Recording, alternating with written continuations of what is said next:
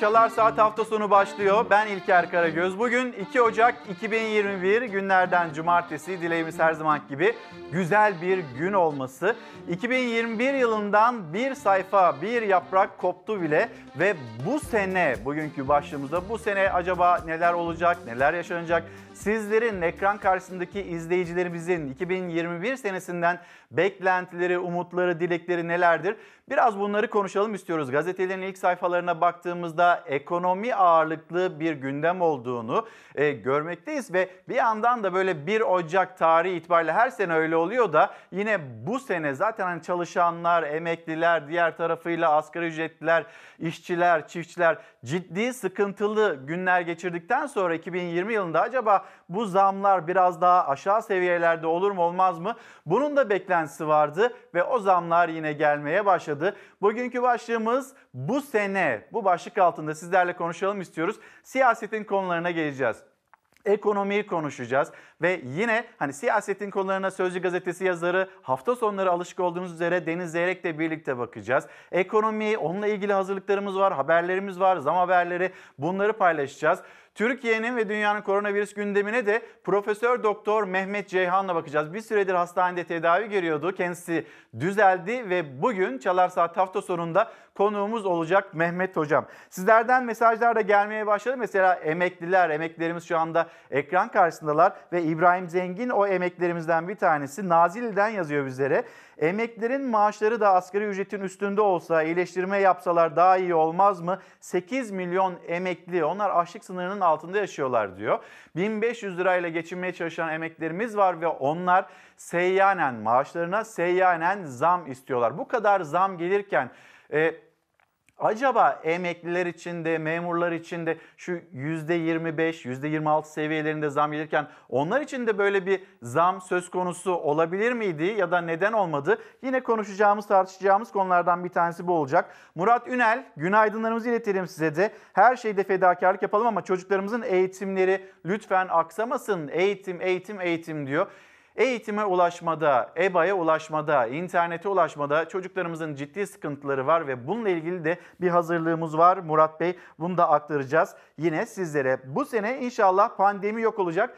Beklentimiz bu. Beklentimiz maskeli bolonun artık bitmesi. E, Doktor Aysel Yavuz müdavim izleyicilerimizden birisi. Kendisine de günaydınlarımızı iletelim. Kimler bizimle birlikte, kimler günaydın diyor. Memleketlerinde yeni gün nasıl başlıyor? Lütfen mesajlarınızı yazıp gönderin. Bir mesaj da usta öğreticilerden ve gönderen kişi de Mehmet Erbağ. Evine ekmek götüremeyen, 10 aydır çalışamayan, ne işi ne maaşı ne de güvencesi olmayan ve görmezden gelinen usta öğreticilerin sesi duyulsun bu sene ve hakları verilsin. Göndermiş olduğum mesaj bu. Şimdi hemen Fox TV'nin İstanbul'daki merkezinden şöyle bir İstanbul'a bakalım. İstanbul yeni güne nasıl uyanıyor? Bugün hava sıcaklığının İstanbul'da 14 derece, 15 derece dolaylarında olacağını söyleyelim. Yine hava açık. Yarın da öyle olacak. Önümüzdeki hafta İstanbul'a yağmur gelecek ama diğer tarafıyla bu e, havalar bir kuraklığın işareti ve barajlarımızdaki su oranlarının ciddi oranda düştüğünü hatırlatmamız gerekiyor. Güzel bir gün ama aynı zamanda e, önümüzdeki günlerde, aylarda bu güzel günlerin acı bir faturasıyla karşı karşıya kalabiliriz eğer suyumuzu tasarruflu kullanmazsak. Ve yine Ankara'ya baktığımızda e, Fox TV'nin Ankara bürosundan şöyle bir Kızılay'a baktığımızda Ankara'nın şu saat itibariyle biraz sisli, biraz puslu ve soğuk olduğunu söyleyelim. Bugün Ankara'da hava sıcaklığı en yüksek 8 derece 9 derece dolaylarında olacak ve yine açık bir gün olacak başkent Ankara'da. İstanbul'dan ve Ankara'dan söz ettikten sonra sizleri hemen Çalar Saat hafta sonunda memleket havasıyla buluşturalım ve hızlı bir şekilde de haberlerimizi aktaralım. Beklenen yağmur yeni yılın ilk gününde geldi gelmesine ancak sadece Marmara'da etkili oldu. O da kısa sürdü. 2020'yi mevsim normallerinin üstünde sıcaklıkla bitiren Türkiye, 2021'in ilk günlerini de karsız hatta yağmursuz geçiriyor. Kar yağışının durduğu gündüzleri güneşli geçiren Doğu Anadolu ise geceleri buzlanma ve donla mücadele ediyor. Kuru ayazın yaşandığı Ardahan Göle'de termometreler gece eksi 25 dereceyi gösterdi. Nehir, çeşme ve dereler buz tutarken çatılarda sarkıtlar oluştu. Cadde ve sokaklar buz pistine döndü. Ağaçlar bile buz tuttu. Ordu'da buz tutan Çambaşı yaylasındaki bu göletti. Sibirya soğuklarının yaşandığı Kars'taysa manzara her yıl olduğu gibi bu yılda değişmedi. Sürücüler araçlarını doludan değil soğuktan battaniyelerle koruyor. Yurdun doğusu karsız ama donuyor. Batısıysa neredeyse yağmursuz ve güneşli. Antalya ve Muğla'da deniz suyu da hava da Ocak ayında beklenenden sıcak. Antalya'da turistler yeni yılın ilk gününde denize girdi. İzmir, Urla'da etkili olan sağanaktaysa bir evin çatısına yıldırım düştü. Yıldırımın isabet ettiği odada kimsenin olmaması faciayı önledi. Bugün sadece 6 ilde yağmur var. İzmir, Tunceli, Malatya, Adıyaman, Gaziantep ve Kilis. Marmara parçalı bulutlu. İç Anadolu puslu.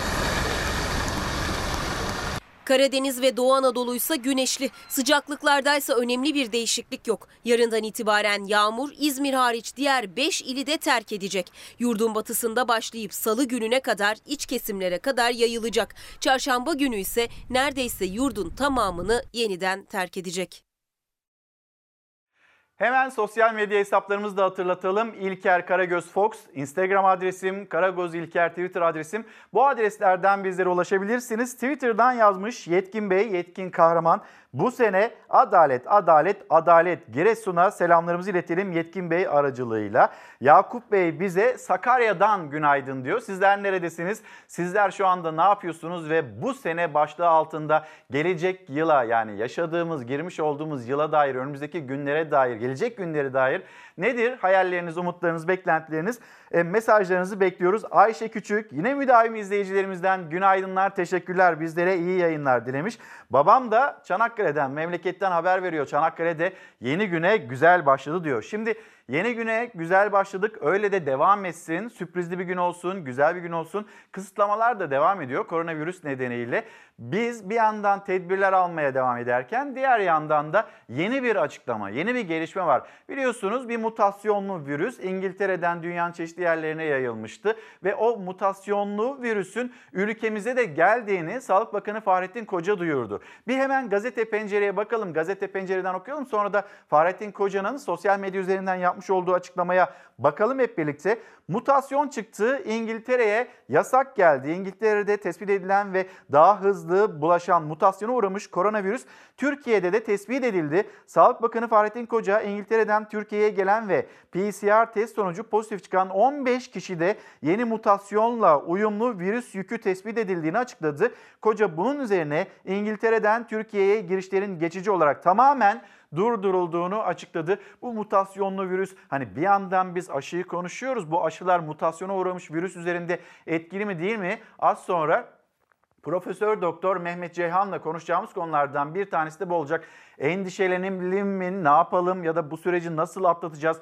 Toplumun %70'inin aşılanması gerekiyor ki biz bu virüsten kolaylıkla kurtulabilelim ya da bir toplum bağışıklığıyla normal hayatımıza eskisi gibi olmasa da bir süre daha şöyle normal hayatımıza yavaş yavaş geçebiliyor olalım. Ama şimdi öyle bir tablonun içinde de değiliz. Aşılar geldi. Şu anda Ankara'da incelemeye tabi tutuluyor. 14 gün denildi. İlk dozdan sonra 28 güne çıkartıldı. Neden böyle bir adım atıldı? Yine konuşacağımız konular arasında. Gelelim Fahrettin Koca'nın sosyal medya üzerinden Türkiye'nin tablosuna dair vermiş olduğu mesajlar. Onları da aktaralım sizlere ve yeni tabloya baktığımızda e, Türkiye'de 12.203 kişinin bu e, kişide bu virüsün tespit edildiği bilgisi var ve 2000'lerin altına indi. Hastanelerde tedavi görenlerin sayısı 1908 olarak açıklandı ve hayatını kaybedenler, hayatını kaybedenlerin sayısı da yine o turkuaz tabloya 212 olarak yansıdı. Yani bu virüs hala can almaya devam ediyor. Tedbirli bir şekilde hayatımızı sürdürmemiz gerekiyor. Maske, mesafe, hijyen, aşı hayatımıza gelinceye kadar ve belki de aşı da olsak bu süreci bu kurallarla, bu altın kurallarla, maske, mesafe, hijyen kurallarıyla devam ettirme gerekliliği sürecek. Şimdi hemen bir Sağlık Bakanı Fahrettin Koca onun yapmış olduğu açıklama mutasyonlu virüs Türkiye'ye geldi ve İngiltere ile ilgili e, alınmış olan o karar aktaralım devam edelim. dün itibariyle vefat sayısı 1 milyon 819 bin idi. Böyle bir yıl yaşadık. Zaten vaka sayısının ne kadar daha fazla olduğunu artık hep birlikte hesap edelim. Sağlık Bakanı Fahrettin Koca'nın yaptığı paylaşıma kadar yeni yılın ilk saatlerinde de gündem aynıydı aslında koronavirüste. Akşam saatlerinde her şey bir anda değişti. Bakan Koca İngiltere'de görülmeye başlanan ve dünyaya yayılan mutasyonlu virüsün alınan tüm tedbirlere rağmen Türkiye'ye de giriş yaptığını, İngiltere'den gelen 15 kişide tespit edildiğini duyurdu. Hürriyet gazetesinin haberine göre virüsün tespit edildiği 15 kişiden biri Balıkesir Edremit'te, iki kişinin ise Gaziantep'te karantinada olduğu iddia edildi. İngiltere'de ortaya çıkan mutasyonlu virüs için tedbirler almıştı Türkiye. Son dönemde yurda gelenlerin tamamı geriye dönük tarama altındaydı. Sağlık Bakanı Fahrettin Koca akşam saatlerinde İngiltere'den gelen 15 kişide yeni mutasyonla uyumlu virüs yükünün tespit edildiğini duyurdu. Ülkeyle uçuşlar geçici olarak tamamen durduruldu. Vefat sayılarına yansıması belli bir zaman alacak. Çünkü yoğun bakımlarda hala daha tedavisi devam eden hastalar var.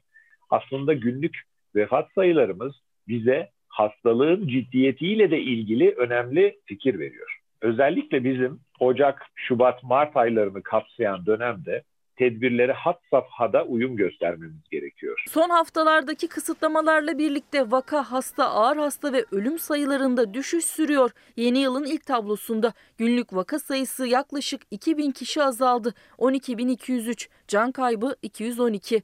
Hasta sayısı 1908 iken ağır hasta sayısı 3891 oldu. Tablo hala endişe verici ve tedbirleri gevşetmek için yeterli seviyede değil. Yeni yılda bir süre daha hayat kısıtlamalarla devam edecek. Artık virüs en fazla evlerde bulaşıyor. Geçtiğimiz hafta ev içi bulaşma oranının %85'e çıktığını açıklamıştı Sağlık Bakanı. Tahir Bulut, Cizre'ye sizin aracılığınızla selamlarımızı iletelim. Eren Bey yazmış göndermiş Eren Demir. Şimdi Hobi bahçeleriyle ilgili bir süredir devam eden tartışma var. Bu bahçelerin yıkılacağıyla ilgili. Hobi bahçeme dokunma, hobi bahçemde ben hani bu pandemi sürecini geçiriyorum diyen pek çok izleyici var. Onlar da seslerini duyurmaya çalışıyorlar. Karar gazetesine bakalım. Siyasetin konuştuğu konular başka ama vatandaşın ilgilendiği konular bambaşka olarak karşımıza çıkıyor. Bugün gazetelere baktığımızda hani o zamları yazan gazeteler var. Zamlardan hiç bahsetmeyen siyasetin tartışmalarına değinen gazeteler var. Karar gazetesinin manşeti dolarla mı maaş alıyoruz? Yani dolarla mı maaş alıyorsunuz? Dolar borcunuz mu var? O zaman ne için dolara bakıyorsunuz? Bu açıklamalar Hazine ve Maliye Bakanlığı döneminde Berat Albayrak'a aitti ve buna atıfta bulunan bir manşet. Hazine garantili köprülerde geçiş ücreti %25 arttı ancak işletmesi devlette olan 15 Temmuz ve Fatih Sultan Mehmet Köprüsü'nde de döviz kriteriyle zam yapılması dikkat çekti. Vatandaşın cebindeki para bir yılda %45 erirken müteahhite kur zırhı kamu vicdanını rahatsız ettiği dolarla maaş almayan milletin kullandığı köprüye neden dolarla zam yapılıyor tepkileri yükseldi. Hani dolarla mı maaş alıyoruz? Niye biz bu zamlardan doların yükselişiyle birlikte etkileniyoruz? Buna bir itiraz sesi. Bir gün gazetesi zamlar dolu oldu yağıyor. Yaparsa AKP yapar. Yeni yılda da zam yeni yıla da zamlarla girdik. Köprü ve otoyollara %25 zam geldi. Osman Gazi Köprüsü'nden bir aracın geçişi 147 lira oldu. Her yeni yılda zamlar olur. İşte yeniden değerleme ve sonrasında köprüler işte bu geçişlerle ilgili, otoyollarla ilgili Gelen bu zamlar hani her sene otomatik olarak yapılıyor ya da bir değerlendirmeyle yapılıyor. Ama bu zamlara bakılınca emekli o kadar zam almadı. Memur o kadar zam almadı. Asgari ücretli zaten geçim derdinde %20-21 seviyesinde bir zam aldı. 2825 lira zaten geçinemiyor. Zaten oraları da kullanabilecek durumda değiliz diyor. Açlık sınırının altında yaşayan insanlarız diyen pek çok insan, pek çok kesim var. Ama işte burada yapılan zamlar %25, %26 seviyelerinde. Öyle olunca da itiraz sesleri yükseliyor. Hem enflasyon hem özel sektör maaşları zamlarından hem asgari ücret zammından da fazla %25,5. Karayolları Genel Müdürlüğü köprü ve otoyol geçiş ücretlerinde %25,5 zam yapıldığını açıkladı. Devlet köprülerinde zam oranı %26, özel sektör köprülerinde ise %25. 15 Temmuz Şehitler Köprüsü trafiğin en yoğun olduğu köprülerden birisi. Karayolları Genel Müdürlüğü tarafından işletiliyor. Yani devlet tarafından işletilen köprü. Hem devletin işlettiği hem de müteahhitlere yaptırılan döviz endeksli, geçiş garantili köprü ve otoyollar yeni yılla yeni zamlı tarifeyle uygulanacak. Artık bu köprüleri kullanmak isteyenler daha pahalıya geçecek. Bu köprüyü her gün işe gidip gelirken kullanmak zorunda kalanlar var. İki kıtayı birleştiren 15 Temmuz Şehitler Köprüsü %26 daha pahalı. 15 Temmuz Şehitler Köprüsü ve Fatih Sultan Mehmet Köprüsü'nde düne kadar tek geçişte 10 lira 50 kuruş ödüyordu sürücüler. Artık 13 lira 25 kuruş ödeyecekler. Geçilse de geçilmese de hazine garantisi nedeniyle her yıl milyarlarca lira akıtılıyor özel sektör köprülerine. Onlar da zamlandı. Osman Gazi Köprüsü 117 lira 90 kuruştan 147 lira 50 kuruşa yükseldi. Yeni yıl zammıyla minibüsler 236 lira, otobüsler ise 280 lira ödeyecek. İstanbul-İzmir otoyolu da zamlandı. 292 liradan 367 liraya çıktı. Böylece Osman Gazi Köprüsü ile birlikte otomobiliyle İstanbul-İzmir arası giden bir sürücü sadece tek yön için 367 lira ödeyecek. Yap işlet devlet yöntemiyle yaptırılan bir diğer köprü Yavuz Sultan Selim'i kullanan sürücüler içinse ücretler %25,5 arttı. Araçlar artık Yavuz Sultan Selim Köprüsü'nden geçerken 21 lira 90 kuruş yerine 27 lira 50 kuruş ödeyecek. Yavuz Sultan Selim Köprüsü minibüsler için 29 lira 10 kuruştan 36 lira 50 kuruşa, otobüsler için 54 lira 10 kuruştan 67 lira 50 kuruşa yükseldi. Kamyonlar ve tırların İstanbul için kullanmak zorunda oldukları Yavuz Sultan Selim Köprüsü'nden her geçiş için artık kamyonlar için 171 lira 50 kuruş, tırlar içinse 213 lira 50 kuruş ödenecek. Bir gün gazetesinden bir ekonomi haberiyle daha devam edelim. Biz aslında pazartesi günü aynı zamanda Aralık ayının enflasyon rakamlarını öğreneceğiz. O Aralık ayı enflasyon rakamları, yıl genelinin enflasyonu ve ortaya bir enflasyon farkı çıkacak emekliler için, memurlar için biz bunu pazartesi günü öğreneceğiz. Bir baktığımızda bir gün gazetesi işte yapılan zamlar böyle ama diğer taraftan vergilere %9.11 seviyesinde yeniden değerleme üzerinden yapılan zamlar var. Peki asgari ücrete 500 liralık bir zam yapıldı, %21 seviyesinde bir zam yapıldı. O zam acaba yine asgari ücretlinin elinde kalır mı kalmaz mı? Bu soruyu sizlere yönelteyim. Asgari ücret alınmadan eridi. Bir gün gazetesinin haberi. İstanbul Ticaret Odası'nın açıkladığı Aralık 2020 fiyat endekslerine göre kentte yıllık fiyat artışlarında 16 ayın rekoru kırıldı. İstanbul'da fiyat artışı %14.4 olarak gerçekleşti. Aralık ayında rekor 3.2 ile ev eşyasında yaşanırken gıda fiyatlarında %2.2'lik bir artış olduğunu söylüyor İstanbul Ticaret Odası'nın araştırması. Hilal'den ben hemen bir rica edeyim. O haberin biraz altında çocuklarımızın eğitimiyle ilgili bir haber var. Bunu da okuyalım. Her 7 çocuktan 6'sı eğitime ulaşamıyor. Elektrik Mühendisleri Odası'nın uzaktan eğitime ilişkin raporunda çocukların büyük bölümünün internete ulaşamadığı, uzaktan eğitim açısından bir facia yaşandığı açıklandı. İlk ve orta öğretimde 15 milyonu aşkın öğrenciye rağmen EBA'nın kapasitesinin 1 milyon olduğu belirtilen raporda öğrencilerin en fazla %48.5'inin internete erişebildiği vurgulandı. 7 öğrenciden 6'sının eğitime ulaşamadığı ile ilgili bir değerlendirme. 18 milyon öğrencimiz var. 15 milyonu erişiyor, 3 milyona erişemiyor. İşte burada bir problem var. Bunu çözeceğiz açıklaması. E, Milli Eğitim Bakanı Ziya Selçuk'tan geldi. Bir çocuk bile kıymetli ve bütün çocuklarımızın eşit olarak bu eğitime ulaşma gerekliliği var. Pandemi süreci çocuklarımız okula gidemiyor. Dikkat etmedik etmediğimiz için ya da bu kurallara uymadığımız için, bu kurallara uymamakta ısrar ettiğimiz için aslında toplumda ciddi bir e, bu virüsün yayıldığına tanıklık ettik. Bu yüzden çocuklarımız okula gidemiyor. Bu yüzden eğitimden geri kalıyorlar. Ama söz oraya geldiğinde, çocuklara geldiğinde Türkiye'nin geleceği olarak adlandırılıyor. Türkiye'nin geleceğine çok da bir yatırım yapmamışız.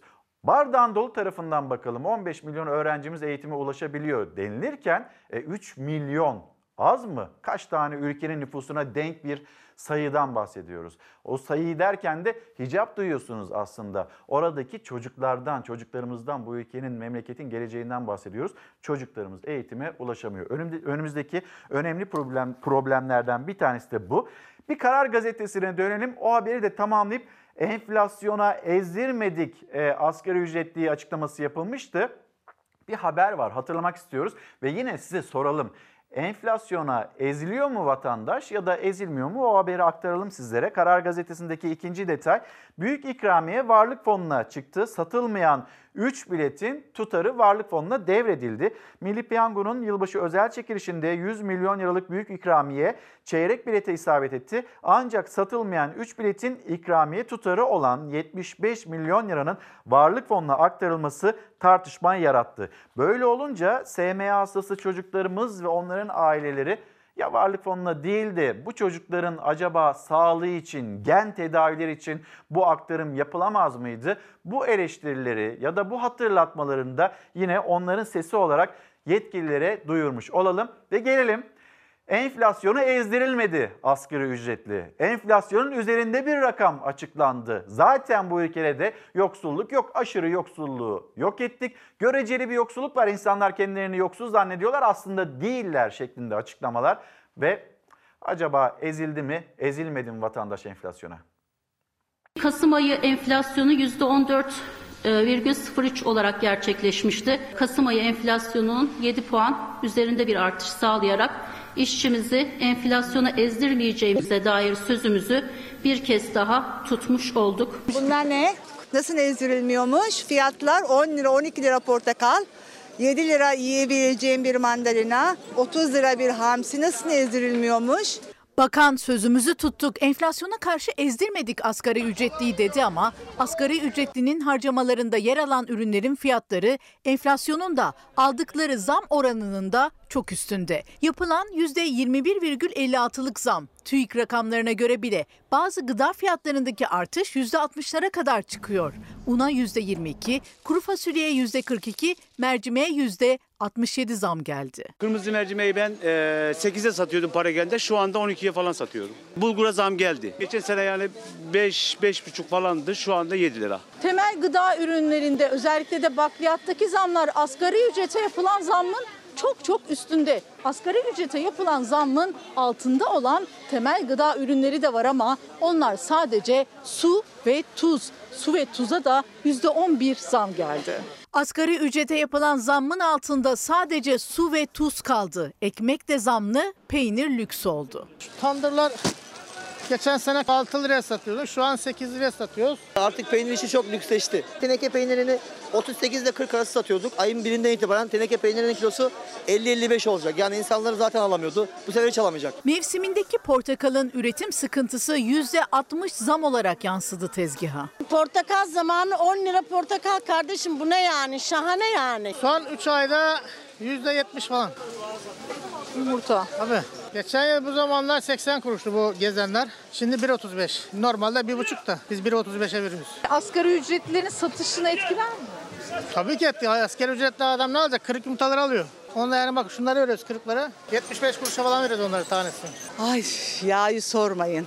85 lira olmuş 5 kiloluk bir yağ. En ucuz protein kaynağı yumurtanın kırığını, sebzenin meyvenin eziğini alıyor. En temel ve ucuz yağ ayçiçek yağı el yakıyor artık. Sadece Eylül'den Kasım'a %45 arttı. Çalışma Bakanı %14'lük Kasım ayı enflasyonunu baz aldı ama çarşı pazar özellikle de asgari ücretlinin en çok harcama yaptığı gıdada fiyatlar birkaç puan değil kat kat üstünde enflasyonun. Elektrik ve doğalgazı da 2020 yılında %30'un üzerinde artışla kapattı tüketici. Yani 500 liralık zam zorunlu tüm harcamaların altından kalkamadı. Ezilmez olur mu? Enflasyonu acaba %14 mü bütün halk görüyor? Enflasyon bana kalırsa %30'un üstünde, %35'in üstünde aslında. Acaba 2800 lirayla ben kendilerine söylüyorum. 15 gün mutfaklarını geçindirebiliyorlar. Bu asgari ücretli kimin geçinebileceğini bence kendileri bir denesinler sonra görsünler. Efendim Sözcü Gazetesi yazarı Deniz Zeyrek şu anda yanımızda. Siyasetin gündemine birlikte bakacağız. Deniz abi günaydın. Günaydın. Hoş geldin. Bulduk. Ee, 2020 yılı nasıl geçti? 2020 yılı nasıl olacak? Bu sene başlığı altında konuşuyoruz. Nasıl geçti 2020? Zor geçti. Yani ben hatırla böyle bir yıl hatırlamıyorum insanların bir an önce gitsin de kurtulalım. Kurtulalım dediği. Dediği bir yıl. Ne kaldı peki abi 2020'den aklında? Ya şöyle bir, bir kere e, gerçekten deprem, çığ, e, işte sel Giresun'da çok ciddi doğal afetler yaşadık. Şimdi mesela buraya gelirken dikkatimi çekti. Dün de sokağa çıkma yasağı vardı. Biz gazeteye işte yürürken yürüyerek gidip ge- geliyorum ben. Ee, pırıl pırıl bir yazdan kalma hava. Ya bunlar hiç normal şeyler değil. Yani coğrafi olarak da iklim açısından da çok sıkıntılı geçti belli ki. Yani Oca- Ocak ayının ilk gününde 14 derece hava sıcaklığı ve günlük güneşlik montsuz falan dolaşabiliyorsun. Ee, beni en çok korkutan tarafı o. Diğerleri halledilir. Siyaseten kavgalar, gürültüler, Amerika ile kriz, Trump'ın gidişi vesaire bunlar işte hayatımıza korona diye bir virüs girdi 2020 yılında. Bizi perişan etti. Yani biraz ne zaman kurtulacağımıza dair de bir fikrimiz yok. Herkes- Çok özledik. Sevdiklerimizle vedalaştık. Tabii. Ee, hani vedalaşırken o cenaze törenlerinde 3 kişi 5 kişi hatta Aynen. sevdiklerimize veda bile edemedik. Aynen. Böyle bir süreçten de geçtik. Tabii ya biz alışığız böyle kalabalık ailelerle işte bayram kutlamaya, yeni yıla girmeye. Yani acayip bir şey oldu. Herkes yani üç kişi e, çekirdek aile evde oturuyorsun ya da beş kişi işte e, yeni yılı öyle karşılıyorsun. E, şeydi yani gerçekten bir e, koronayla mücadele hatrına katlandığımız bir e, yıl oldu yani. Bu bu kadar e, aşı bulundu bence önemli gelişmelerinden biri. O zaman bu seneye gelelim. Bu seneyle ilgili beklentilerini. Çünkü izleyicilerimize soruyoruz. Hatta e, bir izleyicimiz de göndermiş hem sana hem de e, bize iyi yayınlar dilemiş. Sağlıklı, mutlu, huzurlu bir yıl dilekleri pek çok e, vatandaşımızdan da geliyor. Beklentimiz o, dileğimiz o, temennimiz o. İnşallah öyle olur. Bir de mutasyon hani böyle ikinci sezon birinci bölüm gibi oldu bu.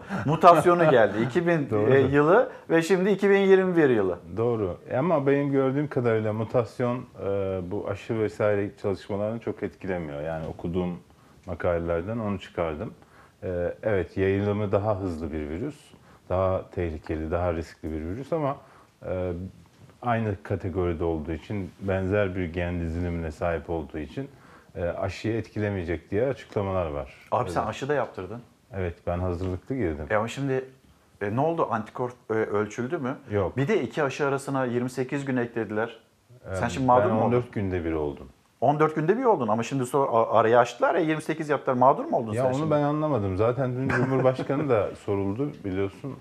Ee, böyle Sağlık Bakanlığı'nın doktorların karar vereceğini söyledi. O orada bir kafa karışıklığı var. Yani niye e, deneme sırasında e, gönüllü çalışmaları sırasında 14 gün yaptılar da asıl aşıda 28 yaptılar. Denediler işte. Bu da bir deneme oldu. Yani, Yani 14 gün. belki şöyle ama daha şeyleri açmadılar. Yani o şu anda Türkiye'deki denemelerin sonuçlarını bilmen imkansız. Çünkü kodları e, açmadılar. Yani şöyle düşün. Herkese gönüllü olan herkese aşı yaptılar. Onların üçte biri e, placebo yani serum. Evet. Ve hangisi serum, hangisi gerçek aşı şu anda bilinmiyor. Kodlarını açacaklar. Herkese mesaj gidecek. Size yapılan aşı işte gerçek aşıydı. Size yapılan aşı placeboydu. Ee, Ondan sonra antikor oluşup oluşmadığına bakacaklar. Dolayısıyla hani 14 gün sonunda yapılsaydı bu bilirlerdi hani bu iş demek ki 14 günde tek dozla işe yarıyor gibi bir sonuç çıkarılabilirdi. Şimdi o sonucu da çıkaramıyorsun.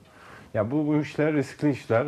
Bilim insanlarına güvenmek lazım. Biliyorsun bu kızamık aşısı nedeniyle e, bir dönem e, tek doz, çift doz meselesi yüzünden e, gelecekte kızamık hastalığının bir neticesi sonucu SSP diye bir hastalık vardı hatırlar mısın? Yok, Ee, bilemedim. yani sırf aşının yapıldığı zannedilip yapılmaması nedeniyle birçok insan bu hastalığa yakalandı. E, bu doz ayarlaması onun için çok kritik. Yani sen aşı yaptığını zannediyorsun ama e, ya da iki doz yapman gerekiyor, bir doz yapıyorsun. Sonuçları olumsuz olabiliyor. Bunları e, çok dikkat etmeler lazım. Deniz abi şimdi e, yine bu konuyu Profesör Doktor Mehmet Ceyhan hocamız gelecek. O da bir süre hastanede tedavi görmüştü. Düzeldi. olsun. Ya aklımızda bir sürü soru var. E, hani senin kafa karışıklığı yaşadığın o neden 14 günden 28 güne çıktı? Yine soracağımız sorular arasında olacak. Siyaset başlığına geçeceğiz. Bir gazetelere beraber bakalım mı? Bir e, vitrin mankeni tartışması çıktı. Sözcü gazetesi üzerinden, dünkü yayını üzerinden bir tartışma çıktı. Yine seninle konuşmak istediğim konulardan bir tanesi. Sabah gazetesine bakalım. Ben yönetmenimiz Hilal'den Sabah gazetesine bir rica edeyim. Bu kafa çağın dışında kaldı. Başkan Erdoğan, CHP'li Fikri Sağlar'ın başörtüsüyle ilgili skandal açıklamalarına çok sert tepki gösterdi. Bu CHP zihniyetinin faşizan anlayışının geçmişte olduğu gibi bugüne yansımasıdır. Bu kafa çağın dışında kaldı. Bay Kemal o için yanına 2 değil 20 başörtülü koysa da milleti aldatamaz. Geçti o işler senin ne olduğun gayet iyi biliniyor. Sözcü gazetesinin e, dünkü manşetiyle ilgili, sayfasıyla ilgili olarak ben Sözcü gazetesi okumuyorum. Kimse para verip okumasın. Ayasofya 2020'nin taşlı yıldızdır değerlendirmesini yaptı. Ve hani bir vitrin mankeni açıklaması Evet. burada yok. Gazete Pencere'yi rica edeyim. Gazete Pencere manşete aslında o açıklamayı e, taşıyor. Vitrin mankeni polemiği de başladı aslında. Cumhurbaşkanı Evet. Erdoğan açıklamalarından sonra. Cumhurbaşkanı Erdoğan Kılıçdaroğlu'nun fikri sağlara yönelik eleştirilerini görmezden geldi. Kılıçdaroğlu konuşurken yanında bulunan türbanlı CHP'lilerdense vitrin mankeni diye söz etti. Onlara o şekilde seslendi. Bu da bir rahatsızlık yarattı. Yeni yıla böyle girdik. Evet. Birkaç cümleyle e, senden yorum alayım. Sonra da reklamlara gideceğiz Evet. haberini paylaşmak için. Ya şöyle bir şey var. Ee, Ya bu, bu yaklaşımın temel mantığı şu. Bize oy veriyorsa başörtülü bacımızdır. Başkasına oy veriyorsa vitrin mankenidir. Ya bu kadar çelişkili, bu kadar yani bu bu mesele başörtüsü meselesini bir inanç özgürlüğü meselesi olarak görüyorsanız eğer saygı duyacaksınız. Nerede olursa olsun. CHP'de ise vitrin mankeni, AK Parti'de ise başörtülü bacımız olmaz. Yani büyük bir yanlış bence yaptı Cumhurbaşkanı. Başörtülü AK Parti'ye oy vermeyen başka partilerde olan bütün başörtülü kadınları e, etiketledi ve çok yanlış bir üslupla etiketledi. E, tepki göstermeleri bence normal. Yani bence hak büyük bir haksızlık yaptı. Ee, bir mola verelim. Reklamlara gidelim Deniz abi. Bunun haberi hazır. Bununla ilgili yeni yapılan açıklamalar var. Cumhurbaşkanı Erdoğan'a özür dile seslenişi vardı. Ee, ana muhalefetin. Bununla ilgili kabineden bir açıklama, Sanayi Bakanı'ndan bir açıklama var. Onu da yine paylaşalım izleyicilerimizle. Bir mola verelim. Dönüşte buluşalım. Sohbetimiz sürecek. Efendim bir kez daha günaydın. Devam ediyoruz. Çalar Saat hafta sonunda Deniz Zeyrek'le sohbetimize. Şimdi bir haber paylaşalım. Fikri Sağlar'ın cümleleriyle başlayan ve sonrasında da vitrin mankeni polemiğe, polemiğine evrilen o açıklamalar ve siyasetin konuştuğu konu. olmak için bazı yerlerde başörtülü birkaç kişiyi de yanlarında adeta böyle vitrin mankeni gibi getirip koymak kimseyi artık aldat. Geçti o işler. Ne demek ya vitrin mankeni? Kendi partisinden olursa hiçbir sorun yok.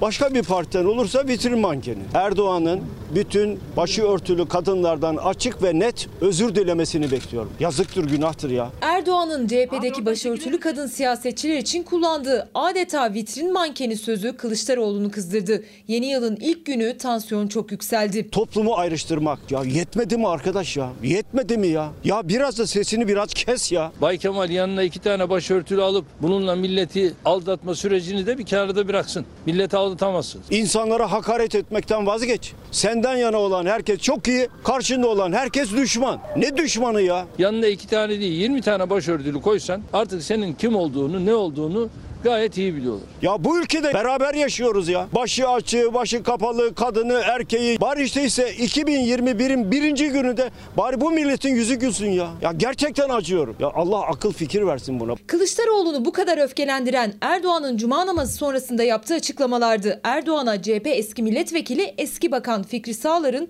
türbanlı hakimle ilgili sözleri soruldu. Erdoğan'ın Fikri Sağlar'la başlayan tepkisi CHP'deki başörtülü kadın siyasetçilere kadar uzandı. Sorun sorun başörtüsü değildir, türbandır. Ben yargılandığım zaman türbanlı bir hakimin karşısına gittiğimde benimle ilgili haklarımı koruyacağı ve adaleti yerine getirebileceği doğrultusunda kuşkum var. Nitekim de başıma da geldi. Çağın neresindeyiz biz ya? Hukukun üstünlüğüne göre ve vicdani kanaatine göre adaleti dağıtırsa başörtüsü takar, takmaz. O onun özel yaşam tarzıdır. Ona benim saygı duymam lazım. Benim başımın üstünde yeri vardır. İnsanların başörtüsüyle uğraşmanın anlamı yok. Hakim, savcı, polis bu ülkenin her kurumunda bunları görecekler. Daha bunlar çok şeyler görecekler. Bay Fikri sen çağın dışında kaldın. Tabii Bay Kemal bir şey söyleyemiyor. Adalet dağıttığı süre içinde hiçbir sorunum yok. Ülkemizde son bir yılda 386 kadın katledilmişken çıkıp utanmadan kadınlara hakaret edeceğine git önce görevini yap, kadınların güvenliğini sağla.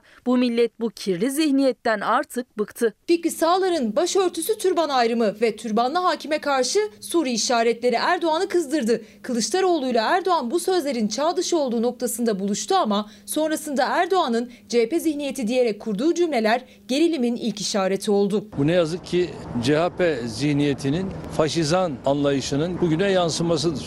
Bu faşist anlayış hala yaşamını sürdürüyor. Hukuk mezunu arkadaşlarımız da var. Parti meclisinde görev yapıyorlar. Böyle bir ayrımcılığı asla kabul etmiyorum ve doğru bulmuyorum. Oy almak için başörtülü birkaç kişiyi de yanlarında vitrin mankeni gibi getirip koymak kimseyi artık aldatmıyor. Herhalde bir kadına bundan daha ağır hakaret edilmez. Ne demek ya? Vitrin mankeni. Dönüp bir kendisine baksın bakalım. Erdoğan'ın vitrin mankeni sözlerinden sonra Kılıçdaroğlu'nun bir gün önce yanında olan başörtülü parti meclis üyesi Sevgi Kılıç da tepki verdi. Sayın AK Parti Genel Başkanı'nın bana vitrin mankeni demek suretiyle biz kadınlara yapmış olduğu hakareti şiddetle kınıyorum. İktidar muhalefet hattında gerilim had safhada.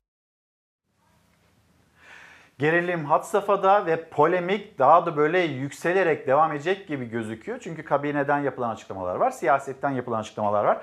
Bir gazete pencereye geri dönelim ve gazete pencerede hakareti şiddetle kınıyorum. Cumhurbaşkanı Erdoğan'ın özür dilemesini istiyor muhalefet ve Erdoğan'ın vitrin mankeni diye nitelediği CHP Parti Meclisi üyesi avukat Sevgi Kılıç konuştu. Erdoğan'ın sözlerini kınadı. İlk seçimde CHP iktidarında toplumsal barış sağlanacak sözümüz söz ifadelerini kullandı. Bu arada kabineden gelen açıklamalara da baktığımızda Sanayi Bakanı Mustafa Varank'ın açıklaması hani özür dile çağrılarına yönelik olarak yaptığı açıklama. CHP ikna odalarıdır. CHP göstermelik üye yaptığı çarşaflı kadınları tartaklayıp otobüsten atmaktır. CHP başörtülü hakimleri ayrıştırmaktır. Genlerinize işlemiş faşistliği kelime oyunlarıyla örtemezsiniz. Kadınları ve inançlarını istismar ettiğiniz için siz özür dileyeceksiniz diyor Mustafa Varank. Ve Gültekin Uysal Demokrat Parti e, Genel Başkanı AKP Genel Başkanı Erdoğan'ın kimi başörtülüleri vitrin mankeni olarak tarif etmesi bile yolun sonuna gelindiğinin göstergesi. Anlaşılan Sayın Erdoğan'ın zihninde makbul olan, makbul olmayan başörtülüler diye bir ayrım var. Makbul olmanın tek şartı AKP Erdoğan'a itaat ve sadakat. Şimdi yeniden başörtüsü tartışmasına döndü siyaset. Böyle bir mesele var mı kaldı mı? Türkiye'de yok. Yani ben- bugün onu yazdım. Fikri sahalara bir kere katılmıyorum. Yani e, şu son bir senede hukuk adına, adalet adına çıkan bütün olumsuz kararların altında fikri sahalar gibi giyinen erkek hakim yargıçlar var. Savcılar var. Yani o zaman onları nasıl şey yapacaksın? Burada e, hakimin, savcının kılığından, kıyafetinden önce hukuk devletine bağlılığı önemlidir. Dolayısıyla hukuk devletine bir bağlı olduğunu ortaya koyan biri kıyafeti ne olursa olsun e, başımızın üstündedir. Yani bu kadar net.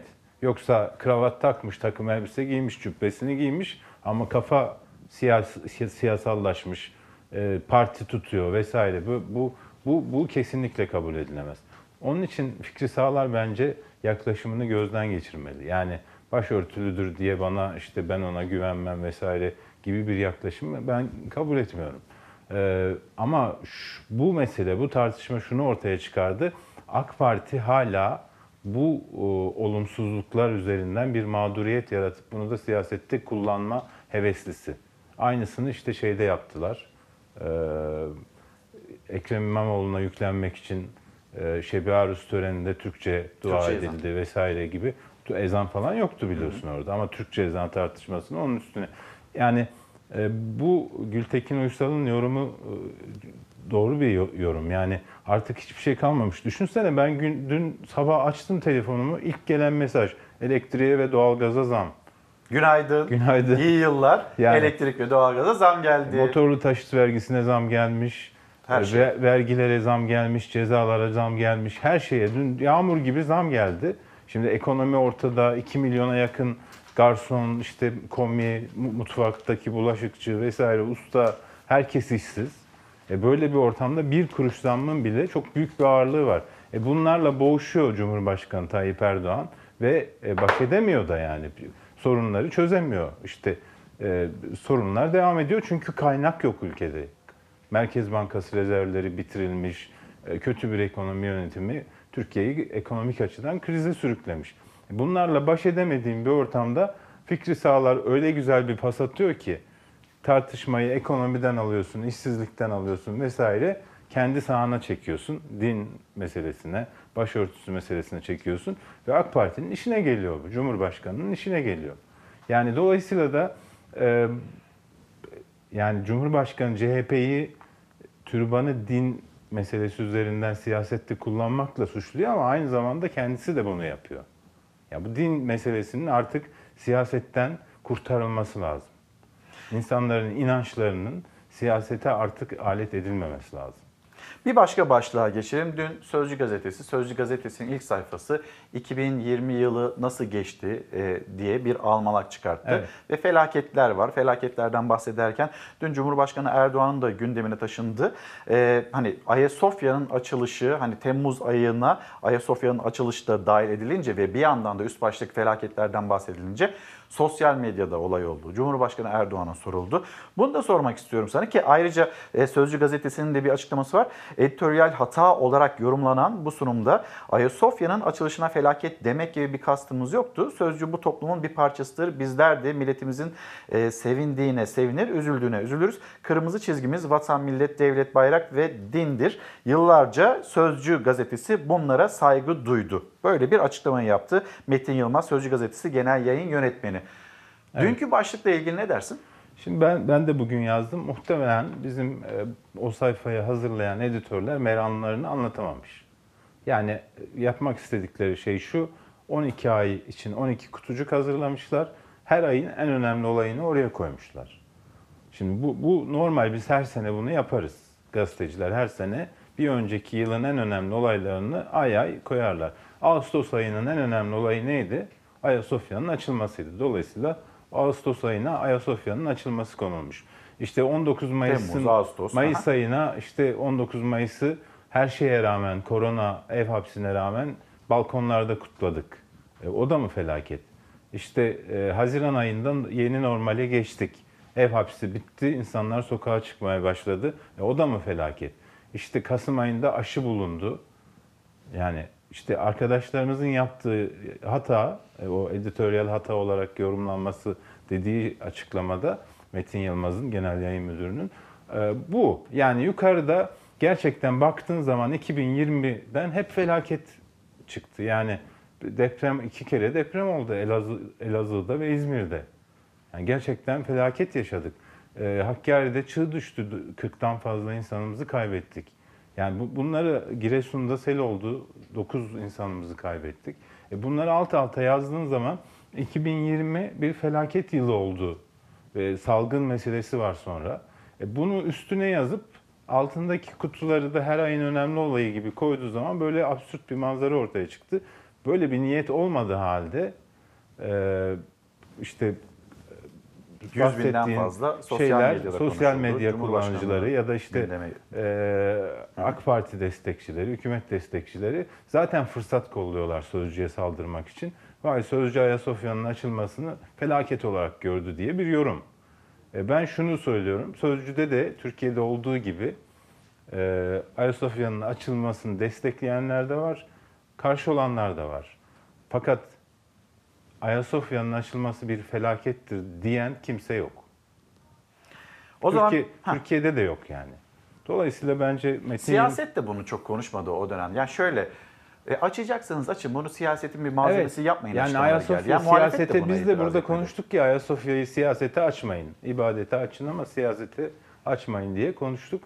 e, Ayasofya'nın açılması geçen senenin 2020'nin sadece Türkiye'de değil dünyada da en önemli olaylarından biridir. Bu kadar basit. Bunu kimse ne sözcüde ne başka bir yerde felaket olarak görmüyordur. Zorla sözcü bunu felaket olarak görüyor diye ısrar etmenin de bir anlamı yok.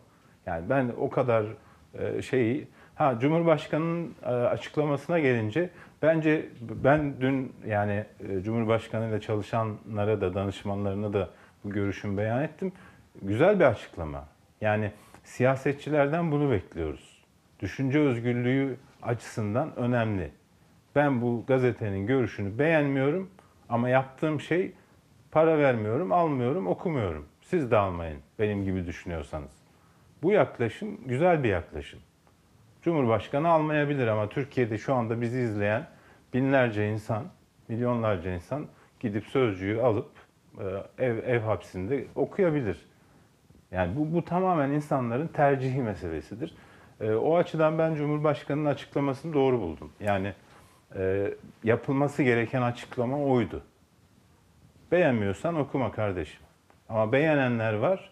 Onlar da belki bugün Cumhurbaşkanı'nın bu açıklamasına tepki gösterip almasa da kalkıp gidip alacak. Öyle insanlar da var. Yani bu bu, bu açıdan Tabii tercih meselesi. lazım. Ee, Deniz abi bir haber daha. Ee, sonrasında yarın da devam edeceğiz. Yarın ekonomi başlığı üzerinden e, konuşalım. Yani dün uyandın sana merhaba diyen zamları ve vatandaşın nasıl geçindiğini konuşalım. Ama hani bu sene ya başlığımız. Bu sene bir erken seçim bekliyor musun, beklemiyor musun? Ee, o soruyu da soracağım. Bir tramvay açılışı İstanbul'da. İstanbul'da da e, Millet İttifakı CHP lideri Kemal Kılıçdaroğlu ve e, yine İyi Parti Genel Başkanı Meral Akşener yan yana geldi. Birlikte şarkı da söylediler. Bir şarkısın sen ömür boyu sürecek diye. Millet İttifakı'nda bir çatlak var mı yok mu? Belki de şarkılı mesaj veriyorlardır. Yorumlarına da e, neden oldu. O haberi izleyelim. Bu sene bir erken seçim olur mu olmaz mı konuşalım. Halic'in renklerine de taktılar. Yani valla bundan güzel mavi var mıydı bilmiyorum ama bayağı güzel bir mavi yani. Beraber söyleyelim mi? Bir şarkısın sen Ömür boyu sürecek Millet İttifakı birlikteliğini yılın ilk günü birlikte mesai yaparak gösterdi. Önceki yönetim döneminde tamamlanamayan Eminönü Ali Beyköy tramvay hattını Akşener ve Kılıçdaroğlu birlikte açtı. Cumhur İttifakı'ndan evine dön çağrıları alan Akşener açıklamalarıyla bir kez daha yerini belli etti. Açılışta ortaklık vurgusu öne çıktı. Söylemeden geçemeyeceğim. Size bakınca çok umutlu bir yıl ve yıllar görüyorum onu söyleyeyim. Her ikinize bakınca Sayın Kılıçdaroğlu ile birlikte bu Millet İttifakı'nı kurmasaydık bugün bu hizmet kaça mal olmuş olacaktı? Bitmiş olacak mıydı? Millet İttifakı vurgusuyla CHP Genel Başkanı Kemal Kılıçdaroğlu ve İyi Parti Genel Başkanı Meral Akşener İstanbul Büyükşehir Belediye Başkanı Ekrem İmamoğlu'nun tamamlayacağına söz verdi. O metro hatlarından birinin açılış törenine katıldı ve test sürüşünü de birlikte yapıyorlar. Törenden ortak mesajsa Ankara'yaydı. Özellikle CHP'li Büyükşehir belediyeleriyle karşı karşıya gelen merkezi yönetimeydi. Lütfen belediye başkanlarımıza hiçbir engel çıkarmayın. Bırakın onlar kente hizmet etsinler. Merkezi yönetim engel çıkarmadığı takdirde daha hızlı yapılacak. Engel çıkarılırsa yine yapılacak. Ne denmişti? İstanbul kazanılamaz. Kazanıldı. Hizmet edemez. Ediyorsunuz. Para bulamaz. Beyler tefeci faiziyle borçlanırken siz gereği üzerinden kredi buluyorsunuz. Çünkü yolsuzluk yapmayacağınıza inanılıyor. Ekonominin patronu güvendir. Akşener kadınlar için de iktidarı eleştirdi. İmamoğlu'ndan söz vermesini istedi. Bol bol löm löm erkeklerin bağırdığı, Ankara'dan bağırdığı ama kadına dair atılacak en küçücük adımda kaşların ta enseye kadar kalktığı o düzeni değiştirmenizi istiyorum. Otobüsten, trenden, nereden inerse insin bir kadının İstanbul'a geldiğinde derin bir nefes almasını istiyorum. Yüzde 92 kadın aldık. Yani daha doğrusu aslında erkek kabul etmedik makinist olarak. Yeni açılan tramvayda birlikte yolculuk eden Millet İttifakı yeni tamamlanan metro hattına da aktarma yaptı. Metro sanatçılarıyla söyledikleri şarkıda Millet İttifakı'ndan Cumhur İttifakı'na bir mesaj gibiydi. Ömür boyu sürecek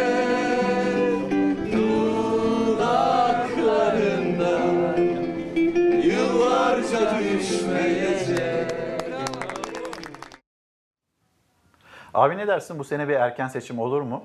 Kulislerden hani konuşuluyor 21 Hazi- e, 2021 Haziran'ında olacak şeklinde. Ben beklemiyorum. Ee, yani ekonomik duruma bağlı. Ekonomi gittikçe kötüleşirse, idare edilemez hale gelirse Cumhurbaşkanı kaçınılmaz bir şekilde gidebilir. Artı işte Bahçeli'nin e, MHP'nin tavrına bağlı. MHP desteğini sürdürdüğü müddetçe AK Parti'nin e, meclisteki yani mecliste AK Parti'nin yanında durduğu sürece Cumhurbaşkanı yasamanın desteğini de almış oluyor. Dolayısıyla e, mecbur kalmıyor. Ama e, Bahçeli desteğini çekerse herhangi bir nedenden dolayı e, o zaman olur. Ya da Cumhurbaşkanı artık hani yönetilemez hale geldi, seçime gidelim, güven tazeleyelim vesaire gibi bir ihtiyaç duyarsa o zaman gider. E, onun dışında ben beklemiyorum. Yok diyorsun. Yok. Israr ediyorum. Deniz abi teşekkür ederim. Yarın devam edeceğiz. Yarınki öncelikli gündemimiz hani bugünkü olağanüstü bir de- değişiklik olmazsa yarınki öncelikli gündemimiz e, ekonomi olsun. Ben sana veda güzel ederken haberler. ekonomide evet e, ekonomide e, yine hani böyle önümüzdeki günleri, önümüzdeki ayları etkileyebilecek bir gelişme var. Amerika Birleşik Devletleri Senatosu'nda Türkiye'ye yönelik S-400'ler yüzünden Türkiye'ye yönelik olarak o yaptırımın kapısını açtı Senato Amerika Birleşik Devletleri'nde.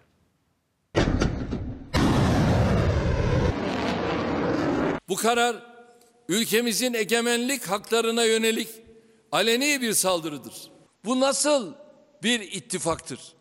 Bu nasıl bir müttefikliktir? Trump veto etti ama Senato vazgeçmedi. Türkiye'ye yaptırımlarında önünü açan 2021 savunma bütçesi Senato'da kabul edilerek yasalaştı. Her şeyden önce siyasi olarak ve hukuki olarak da yanlış bir karar, egemenlik haklarımıza saldırıdır. Amerika Birleşik Devletleri'nde 2021'in ilk gününde toplanan Senato, Amerika Birleşik Devletleri Başkanı Donald Trump'ın 23 Aralık'ta veto ettiği ulusal savunma yetkilendirme yasa tasarısını oyladı. Yasa Türkiye ile Amerika Birleşik Devletleri'ni karşı karşıya getirecek çünkü Kuzey Akım 2 boru hattı projesine ve Türkiye'ye Rus S-400 füze savunma sistemlerini satın alması nedeniyle yaptırımların önünü açıyor. Yasada Türkiye'nin aldığı 6 F-35 uçağının Amerika Birleşik Devletleri Hava Kuvvetlerince kullanılması için gerekli yetkilendirme yapılıyor. Türkiye'nin S-400'leri teslim alması da Amerika Birleşik Devletleri hasımlarına yaptırım yoluyla mücadele yasası yani KATSA kapsamında Rusya ile önemli boyutta bir işlem olarak kabul edildi. Katsa yaptırımları uygulanabilecek. Başkanın Katsa kapsamında belirtilen 12 maddeden en az 5'ini uygulaması. Yaptırımların ithal edilen malları kapsamaması istendi. Ancak Trump yönetimi Türkiye'ye zaten söz konusu yaptırımları uyguladığı için yeniden yaptırım uygulaması beklenmiyor. S-400 konusu olmasaydı benzer yollara başvurulacağı anlaşılıyor. Maksat üzüm yemek değil, bağcıyı dövmektir. 740 milyar dolarlık tasarı Temsilciler Meclisi'nin ardından 3'te 2 çoğunlukla Senato'dan geçerek Trump'ın veto yetkisini aştı. Böylece Trump'ın veto yetkisini aşarak yasalaşan ilk tasarı oldu. Yasa ayrıca 740 milyar dolarlık savunma bütçesini, 12 bin Amerika Birleşik Devletleri askerinin Almanya'dan geri çekilmesini, Ukrayna'ya daha fazla silah satışını ve Rusya-Amerika Birleşik Devletleri askeri işbirliğinin yasaklanmasını içeriyor. Ankara'nın yeni günde kararla ilgili ortaya koyacağı tavır iki ülke ilişkileri açısından da önemli olacak. Daha önce bizim teklif ettiğimiz gelin bir ortak çalışma grubu kuralım ve bu konuyu kendi aramızda çözmeye çalışalım teklifinde bulunmuştuk. Şimdi o teklif ABD tarafından geldi. Biz tabiatıyla her zaman diyalogtan yana olduğumuz için o teklife de e, evet dedik ve uzmanlar düzeyinde görüşmelerde e, başladı. 2021'de yeni yönetimle ilişkilerimizi daha sağlıklı bir şekilde götürmek için biz hazırız. Nevin Hanım da pek çok e, izleyicimiz de aslında şöyle bir e, şikayetleri var. Siyasete de seslenişleri var. Bu siyaset, siyasetin gergin dili artık bunun ortadan kalkması gerekliliğini hatırlatıyorlar. Bu ülkenin ya da vatandaşlarının meselesi ekonomi buna eğilinmesi gerektiğinin hatırlatmasını yapıyorlar. Ve e, yine bize günaydın diyen izleyicilerimiz var. Günaydınlarımızı iletelim. Ufuk Bey yazmış emekli kendisi emeklinin perişan olduğunu yetkililere söyler misiniz diyor. Bu hatırlatmayı yapıyor yapıyor. Ee, Bıktık siyasetçilerin nefret diline varan cümlelerinden Gülfer Hanım'ın gönderdiği bir başka e, mesaj. Fersan Bey diyor ki 2021 yılı bence 2020'yi aratacak dileğimiz, temennimiz öyle olmaması ve başlığımızı bir kez daha hatırlatalım. Bu sene, bu sene acaba sizin beklentiniz nedir? Yeni seneden isteğiniz, beklentiniz nedir? Bunu konuşalım. Karagoz İlker Twitter adresim, İlker Karagöz Fox Instagram adresim. Buradan mesajlarınızı gönderebilirsiniz. Gülay Hanım da bu sene ben vatandaş olarak mucize bekliyorum. Öyle bir mucize ki herkes birbirine sevgiyle sarılıp gülümsesin istiyorum. Antalya'ya, Sivas Şarkışla'ya da mesajlarımızı ve selamlarımızı iletirken Süleyman Bey yazmış. Diyor ki şu anda işim yok. Dolayısıyla SSK'm da yok ve yeni doğan bebeğime bir para da e, alamadım. SSK'dan böyle bir para da bağlanmadı. Ne yapacağım diyen bir izleyicimiz. Şimdi böyle bir tablo var. Diğer yanıyla da zamlar gelmeye devam ediyor. Sözcü gazetesinin manşetini de okuyalım. Gözümüzü yeni açtık, e, yeni yıla zamla açtık. Gözümüzü yeni yıla zamla açtık diyor Sözcü gazetesi. Pandemi ve krizin vurduğu milyonlara kötü haber. Köprü ve otoyollar %25, doğalgaz %1, elektrik ise %6 zamlandı. Vatandaşı zor günler bekliyor. Büyük umutla girdiğimiz 2021'in ilk gününde zam şoku yaşadık. İstanbul'da 1 ve 2. köprülerden otoyola geçiş ücreti 10,5 liradan 13.25 kuruşa yükseldi. Geçiş garantisi olan Osman Gazi Köprüsü'nü ise 117.9 liradan 147.5 kuruşa yükseldi ve daha da artacağına dair e, öngörüler yine ekonomi dünyasında yapılıyor. Bu zamlar geliyor. Zamları e, böyle aşırabilecek, hani geçimi de sağlayabilecek diğer zamlar ya da işçiye, memura ya da asgari ücretliye yapılan zamlar bu seviyede olsa belki bu kadar göze batmayacak ama o seviyeler daha aşağıda kaldığında, geçim her geçen gün daha da zorlaştığında bu zamlar vatandaşın belini daha da bükmekte. Şimdi Türkiye'nin önemli konuları var. Özellikle ekonomi başlığında. Ekonomi başlığında böyle bir e, çalışma devam ederken ya da yapılması istenilirken bir de Kanal İstanbul projesi var. Çok büyük bir maliyete sahip Kanal İstanbul projesi. Türkiye için iyi olacağı düşüncesinde iktidar cephesi ve bu projeden geri adım atmayacağını söylüyor. İstanbul Büyükşehir Belediyesi itirazlarını iletti. İstanbul'da vatandaşlar itiraz etmek için kuyruklara girdiler ve dilekçelerini verdiler. Muhalefet ne gerek var diyor. İşte Tüm bu eleştirilere rağmen Çevre ve Şehircilik Bakanı Murat Kurum'dan Kanal İstanbul'la ilgili yeni bir açıklama var. Bu sene başlığı altında konuşuyoruz ya bu sene ve bu senenin ilk 6 ayında Kanal İstanbul'un temel atma çalışmalarına başlanmış olacak. Hiçbir şekilde arsa rantına müsaade etmedik. 2021 Kanal İstanbul'un başladığı ve hızlı bir şekilde yapılacağı bir yıl olacaktır. Çevre ve Şehircilik Bakanı Murat Kurum açıkladı. İstanbul Büyükşehir Belediyesi'nin muhalefetin çevrecilerin itiraz sesi yükselttiği Kanal İstanbul projesi için düğmeye 2021 yılında basılacak. İlk yarısında temelleri atılır diye düşünüyorum. Çılgın deniliyor adına çılgınlıktan vazgeçilir diye düşünüyorum. İktidar kararlı maliyeti ve olası sonuçlarına sert eleştiriler yükseltilen Kanal İstanbul projesi için takvimi önüne koydu. Temelini Haziran ayına kadar atma hazırlığı yapılıyor. Kanal İstanbul doğru dürüst tartışılmalı. Yaparım, yaptırmam. Biz de toplanıp buna mani olacağız, bu işi yaptırmayacağız. Bilgilendirmeden e, ben karar verdim yapıyorum olduğuyla bu iş yönetilmez. Ekonomi Muhabirleri Derneği Yönetim Kurulu üyeleriyle buluşmasında konuştu Bakan Kurum. Yeni yılın projelerini anlattı. Küresel iklim değişikliğiyle mücadelede pansuman çözümler değil, asıl sorunu kaldıracak adımlar atılacak dedi. Kanal İstanbul'u da çevreci projeler için aldı. İstanbul Boğazı'nı koruyacak, millet bahçeleri ve ekolojik koridorlarıyla Türkiye'nin en çevreci şehircilik projesi olması planlanan Kanal İstanbul projesi için çalışmalar devam ediyor. Kurum planların onaylandığını, üniversitelerden ve halktan görüşler alındığını söyledi. Kanal İstanbul'un Cumhuriyet tarihinin en büyük dönüşüm projesi olacağını savundu. 2021 Kanal İstanbul'un başladığı ve hızlı bir şekilde yapılacağı bir yıl olacaktır. İlk yarısında temelleri atılır diye düşünüyorum. Gözüm bir yandan sizlerden gelen mesajlarla diğer yandan da gazeteleri okumaya devam edelim. Cumhuriyet Gazetesi'nin manşeti 5 yıldızlı iflas. Turizmci 100 milyar liralık borç batağında yüzlerce otel satılık. Zaten krizde olan turizm sektörü pandemiyle birlikte öldürücü darbeyi aldı. Durum vahim. Ziyaretçi kaybı %72. Tüm aktörler zorda. Sektörün 100 milyar liraya yakın kredi borcu var. Oteller haraç mezaç satışta, mezat satışta. Denizbank'ın üst düzey yöneticisi Hakan Ateş 22 otelin el değiştirdiğini söyledi. Yani pek çok otelin hatta yüzlerce otelin satılık olduğunu ve 5 yıldızlı otellerin iflas ettiğini o otellerle birlikte tedarikçiler, işte turizm acentaları onların yaşadığı problemler de var. Nereden baksanız 20-30 sektörü zincirleme olarak etkileyen bir sektör. Türkiye'ye doğrudan, Türkiye'nin kasasına doğrudan gelir sağlayan ki bu seneki beklentiler 30 milyar dolar, 40 milyar dolar seviyesinde.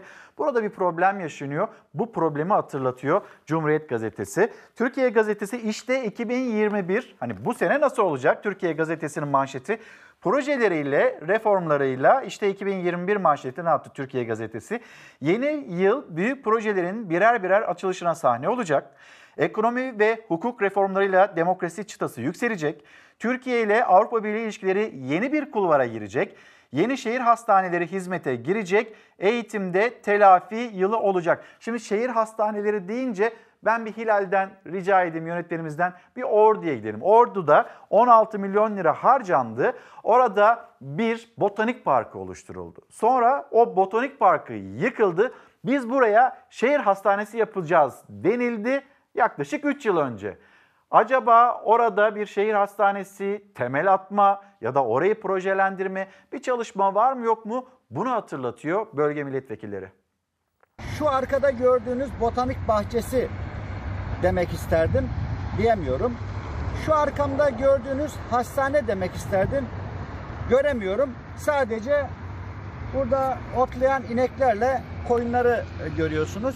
15 milyon lira harcanarak kurulan botanik parkını şehir hastanesi yapmak için yıktılar. Ama 3 yıl boyunca tek bir çivi bile çakılmadı o araziye. 16 milyon lira harcanan botanik park maalesef şehir hastanesi yapacağız diyerek yerle bir edildi. Adeta bir çöplüğe dönüştü. Ordu'nun Altınordu ilçesinde eski pazar mevkiindeki 116 dönümlük araziye AK Partili belediye 2016 yılında yaklaşık 15 milyon liraya botanik parkı kurdu. Bir yıl sonra da o park yıkıldı. Boşaltılan alana şehir hastanesi inşa edileceği açıklandı. Araziyi Büyükşehir Belediyesi devraldı. Ortada şehir hastanesinin projesi bile yoktu iddialara göre. Ama parktaki fidanlar, çiçekler bir bir söküldü. Aradan geçen 3 yıl içinde de atıl halde bekledi arazi. Zamanla ineklerin, koyunların otladığı bir meraya döndü. 900 yataklı Ordu Şehir Hastanemizin ihale süreci devam ediyor. Yapımına inşallah en kısa sürede başlıyoruz. Cumhurbaşkanı Erdoğan geçen yıl Mart ayındaki Ordu mitinginde şehir hastanesinden böyle bahsetti. Ama inşaat yine başlamadı. Pandemide hastanelere olan ihtiyacın artması üzerine CHP Ordu Milletvekili Mustafa Adıgüzel projenin akıbetini sordu. İşte plansız programsız olmanın öngörüsüz olmanın ispatı burası. Demokrat Parti Ordu Milletvekili Cemal Enginyurt da Botanik Park için harcanan 15 milyon lirayı hatırlattı. Botanik Park'a harcanan 16 milyon hakikaten ciğerimizi yakmakta, yüreğimizi sızlatmaktadır. Bizim talebimiz ordunun nefes alacağı bir yer haline getirilmesidir. Çevre dernekleri arazinin yeniden yeşillendirilmesini istedi. Alanın ne olacağı belirsizliğini korurken şehir hastanesinin ihalesi 2021'e sayılı günler kala yapıldı. İhaleyi İstanbullu bir firma kazandı. Ordu Şehir Hastanesi'nin hizmete girmesinin planlandığı tarih ise 2023. Pervin Hanım, Pervin Bıyık, Günaydınlar haber takibinde bizimle birlikte Necmettin Sesi Güzel ile birlikte aramıza hoş geldiniz. Türkiye Gazetesi'nden bir haber daha paylaşalım. Aslında program boyunca da dillendirdim. Hani emekli emekli 1500 lirayla geçinemiyoruz. Açlık sınırının altında maaşlar alıyoruz. Biz nasıl yaşayacağız? Bu itiraz seslerini yükseltirken Türkiye Gazetesi'nin ilk sayfasında emekli refah payı istiyor haberi var. Aktaralım. Asgari ücrette %21.56'lık artışın ardından emekliler de enflasyon üzerinde zam bekliyor. 13.5 milyon emekli pazartesi açıklanacak enflasyon rakamlarına kilitlendi. Beklentiler gerçekleşirse maaşlarına %8 zam yapılacak. Maaşlarına %8 zam yapılacak ama her şeye de %20'nin üzerinde zam geldi. Öyle ayçiçek yağına baktığınızda, çarşı pazara çıktığınızda inanılmaz zamlarla karşı karşıyayız. Ve burada bir haklılık var aslında. Biz nasıl geçineceğiz diyen 1500 liralarla biz geçinemeyiz diyen e, vatandaşlar var, emeklilerimiz var. Bizi duyun diye sesleniyorlar. Ancak Emekliler Derneği aynı ülkede yaşıyoruz. Diğer ücretlerle makas iyice açıldı. Seyyanen artış istiyoruz talebinde bulundu. Yani asgari ücrete yaklaştırın, asgari ücretin üzerine çıkartın biz diyorlar. Baktığınızda açlık rakamları 2500-2600 lira seviyelerinde. Asgari ücret bir tık üzerine çıkmayı başardı bu yapılan zamla birlikte. O parayla bile geçinebilmek ne kadar zorken 1500 liralarla 2000 liralarla geçinebilmek gerçekten çok ama çok zor emekliler için. Şimdi maalesef kızmayın bir zam haberi daha paylaşacağız. Bu zam haberi de İstanbul'dan olacak. İstanbul'da taksi e, taksimetrelerine zam geldi. İndi bindi ücretleri 13 liraydı. 14.50 olduğu söyleniyor. Yeni yılla gelen bir zamda taksimetrelere oran %11. Allah zam bize yarayacağını çok düşünmüyorum. Biz şoförler olarak hani mal sahiplerine daha çok yarayacağını. Çünkü bizim yövmiyelere zam yapılacağını düşünüyorum ben. İstanbul'da taksi ücretleri yeni yılla birlikte zamlandı. Yılın ilk gününde taksiciler taksimetre cihazlarını güncellemek için Yeni Kapı etkinlik alanındaydı. Kilometrelerce araç kuyruğu oluştu. İndi bindi ücreti 13 liraydı taksilerde. Yapılan zamla 1 lira 50 kuruş artacak. 14 lira 50 kuruş olacak. Uzun kuyrukların oluştuğu işlemler 3 gün sürecek. Taksi şoförleri ise taksimetreye yansıyacak zammın ceplerini çok fazla etkilemeyeceği görüşünde. Bak zam olarak yeterli değil ama insanların da zaten hani gücü kalmadı. Milli Gazete ile devam edeceğiz. Yine manşette Milli Gazete'nin de manşetinde ki genellikle yıl boyunca da öyle oldu. Ya çiftçinin problemlerinden söz etti ya da ne bileyim ekonomiyle ilgili problemleri daha çok manşetine taşıdı Milli Gazete. Yeni yılın ikinci gününde de 2 Ocak tarihinde de yine ekonomi ve yine gelen zamlar var. 2020 yılında vatandaşın payına bolca zam düşerken 2021 yılının ilk dakikalarında da zam sahnağa başladı. Birkaç yıldır süren ekonomik sıkıntılar ve kriz hali pandemiyle birleşince hayat pahalılığı arttı. Geçim şartları daha da zorlaştı. Vatandaşın ağır bir borç yükü altına girdiği 2020 yılı iğneden ipliğe fiyat artışlarıyla geride kalırken 2021 yılı da daha ilk günden zamlarla başladı. Vergi, harç ve cezalara mutat artışlar yapılırken elektriğe, doğalgaza, köprü ve otoyollara gelen zamlarsa 2021 sürprizi oldu. Pasaport ve ehliyette e, gelen zamlar var. Bunların fiyatlarından bahsediyor. Motorlu taşıtlar vergisine %9.11'lik zam yapıldı. Yeni değerleme oranı bu şekilde belli olduğu için harçlara gelen zamlar, otoyollara gelen zamlar, elektriğe, doğalgaza gelen zamlar. Evet yeni yılla birlikte bir zam sahnağı da başladı. Şimdi böyle bir zam sahnağı varken Ekonomiyi yönetenlerin tarifleri her şey yolunda, pembe tablolar şeklinde ama bir ülkede ekonomi yolunda mı değil mi? Bunu anlayabilmek için hani konunun uzmanları zaten biliyor ama vatandaş olarak bunu hissettiğinizde zaten bir siyasetçinin doğruyu ifade edip etmediğini anlayabilirsiniz. Ya da onun kastettiğiyle sizin yaşadığınızın arasında makasın ne kadar açık olduğunu yaşarken siz deneyim, deneyimleyebilirsiniz. Bir de mesela Veresiye defterlerine baktığınızda, veresiye defterlerinin ödenip ödenmediğine baktığınızda bir ülkede ekonomi nasıl bir ipucu verir size. Defterimiz var. Artı bu var. Artı kartonu çift taraflı aynı şekil. Artı bu. 4 sayfa artı o zamandaki camda daha hala duruyor. Şubat ayında bu defter 10 bin liraydı. 10 bin liraydı. O zamandan ikinci gelişimizde 20, şu anda 25. Veresiye defterindeki borçlar katlanarak artıyor. Silinenlerin, ödenenlerin üzerine yenileri ekleniyor ama defter eski beyaz sayfalarına bir türlü kavuşamıyor. Her veresiye bakkal Ahmet Tekin için de yeni borçlar, yeni krediler demek. Müşteri veresiyesini kapatamıyor, esnafsa her geçen gün daha da borçlanıyor. Bundan önceki röportajımızdan bu yana ortalama her şeyimiz %20-25 en düşük olaraktan 20 arttı. Şubat ayında bu mavi kaplı defterin fiyatı 10 bin liraydı. Ekim ayındaysa fiyatı 20 bin liraya kadar çıktı. Aradan iki buçuk ay geçti. Defterin fiyatı 25 bin liraya dayandı. Aydan aya fiyatı arttı ama fiyatı artan, değeri artan şey sadece bu defter değil. Süte, ekmeğe, yumurtaya, peynire de aydan aya zam geldi. Ekmek bak bundan önceki geldiğiniz zaman 1.75'ti.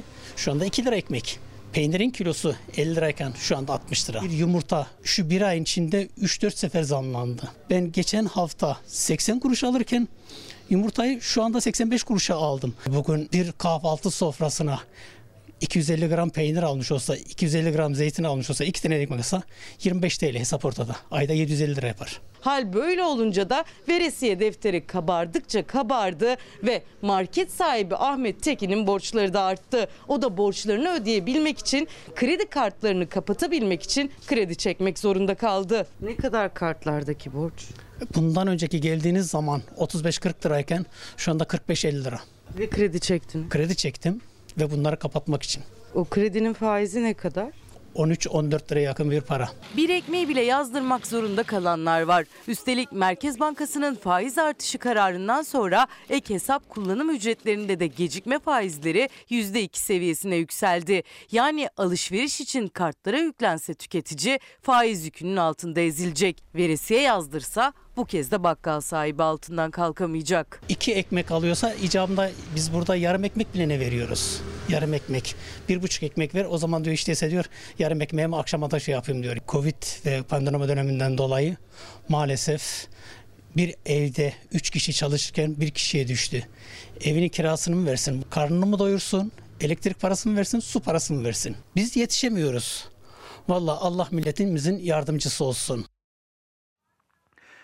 Yeni yıla herkesi üzen bir olayla girdik aynı zamanda. Galatasaraylı bir futbolcu bir sürpriz yapmak istedi çocuklarına. Bir, bir, bir sürpriz parti hazırlamak istedi evinde. Ama sonrasında bir felakete dönüştü. Bununla ilgili e, Omar'ın, Galatasaraylı futbolcu Omar'ın son durumuyla ilgili yapılan yeni açıklamalar var. Onları sizlerle buluşturacağım ama Hürriyet Gazetesi'nin manşeti uyarıcı nitelikte. Havai fişek skandalı. Satmak yasak, herkes satıyor. Atmak yasak ama herkes atıyor. Galatasaraylı Omar'ın başına gelenlerin ardından havai fişek skandalı yine gündemde. Aysel Alp'in özel haberi Hürriyet Gazetesi'nin manşetinde havai fişekler ancak çevre kurulu kararıyla belirlenebilecek alanlarda ve saatlerde özel izinle kullanılabiliyor. Ayrıca fişekler sadece yeterlilik belgesi olanlara satılabiliyor. Ancak şu anda internetten her isteyen kolaylıkla bu fişeklerden edinip istediği gibi alabiliyor. Uzmanlar havai fişeklerin e, barutla çalıştığı için geriye tepmesi sonucu olduğunu belirterek şu önemli uyarıyı yapıyorlar. Havai fişek elde boşta tutulamaz. Bu elinize aldığınız mermiye ucu sivri bir şeyle vurmaya benzer. Havai fişek hata affetmeyecek kadar tehlikeli bir maddedir ve evet Galatasaraylı futbolcu Omar çocuklarına bir sürpriz yapmak istedi, neşelendirmek istedi yeni yıla girerken ama maalesef oradaki hata kötü sonuçlandı. Kendisine geçmiş olsun diyelim, bütün herkese Galatasaray camiasına geçmiş olsun diyelim ve Omar'ın sağlık durumu nedir onu paylaşalım. Galatasaray ve tüm futbol severlerin iyi dileklerine ihtiyacı var. Dualarına ihtiyacı var. En kötü anda bile umut etmeliyiz. Bir iki hafta beklememiz gerekiyor. Yeni yılın ilk saatlerinde Galatasaray oyuncusu Omar El Abdellahi'den kötü haber geldi. Yıldız futbolcu yeni yılı karşılamak isterken elindeki havai fişek patladı. Omar elinden ve yüzünden ağır yaralandı. Her iki gözde, bir gözde daha fazla olmak üzere e, daha e, ağır olmak üzere bir yaralanma söz konusu. Görme yetisi var ama e, ileriki dönemdeki gidişat nasıl olur vesaire onunla ilgili şu anda bir şey söylemek çok bağlayıcı olur. Biri Down sendromlu iki çocuğunu yeni yıla girerken neşelendirmek istemişti. Elindeki havai fişek oyuncunun yüzüne doğru patladı. Biraz çocukları koruma amaçlı olmuş. Ee, beni tabii şaşırtan bir tüp maddelerin peynir ekmek gibi satılması beni biraz düşündürüyor. Bu konuda devletimizin gereken önlemler alacağına inanıyorum. Kendisi konuşuyor, doktorların cevap verebiliyor. Allah beterin beterinden korusun diyelim.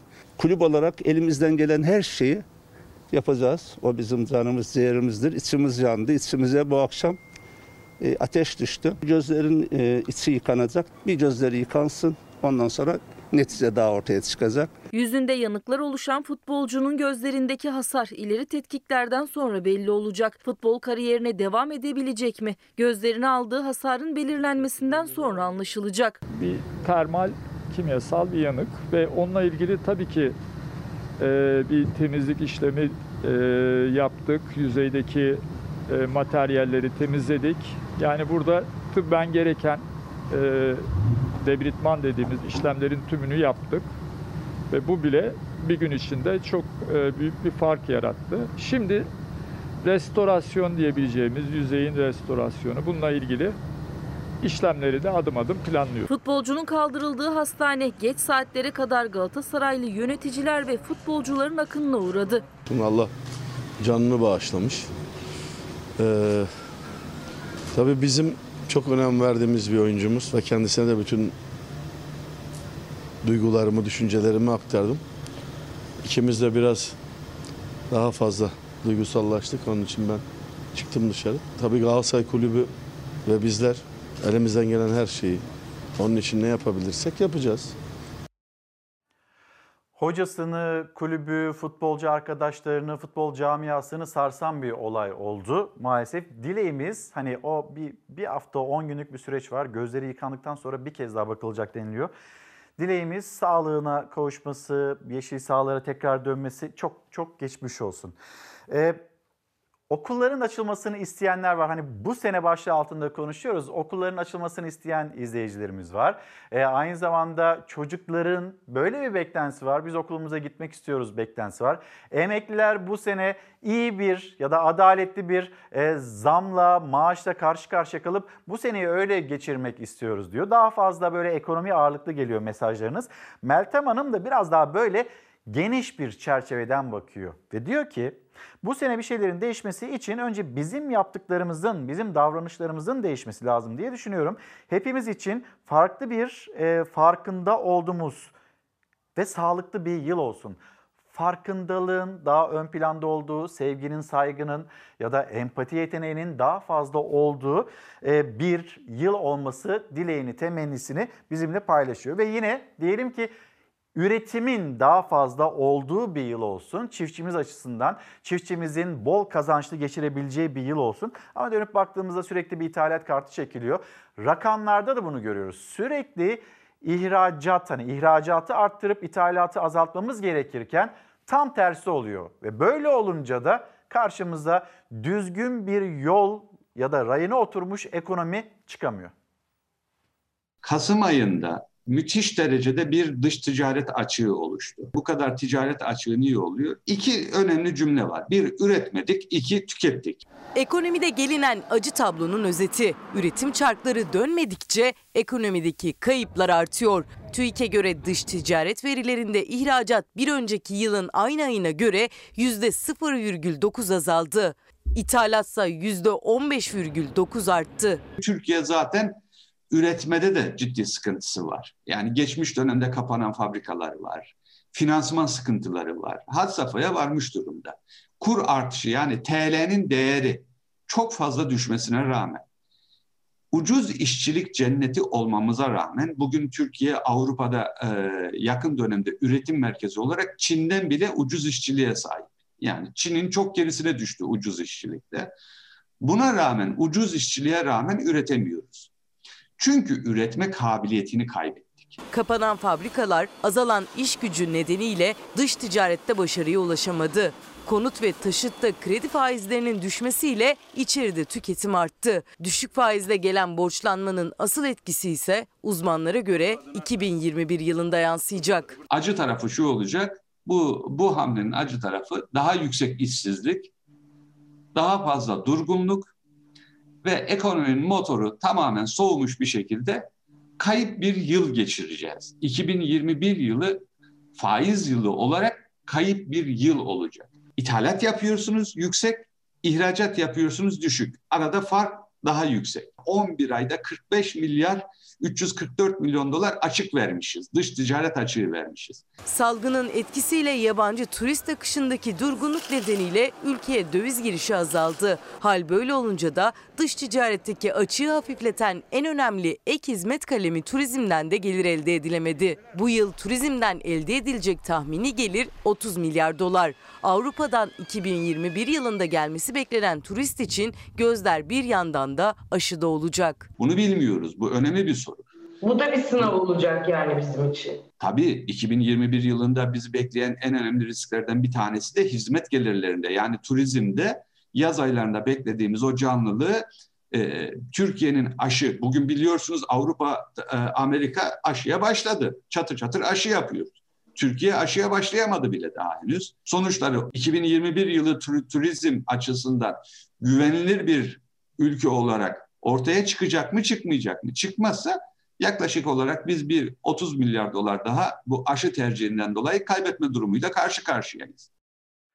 Hürriyet gazetesine bir geri dönelim. Hürriyet gazetesinde iki şehri zaman zaman karşı karşıya getiren bir polemik var.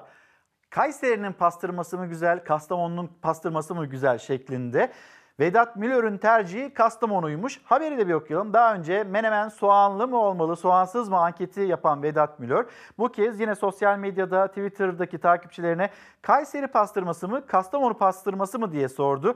%55 Kayseri pastırması dedi. Vedat Milor'un tercihi ise Kastamonu yönündeymiş. Siz ne düşünüyorsunuz? Tabii bir yandan da diyeceksiniz ki ya pastırmanın kilosundan haberiniz var mı? Biz onun lezzetini unuttuk diye, diyebilecek e, izleyicilerimiz de vardır. Ama bu tartışmayı bir hatırlayalım.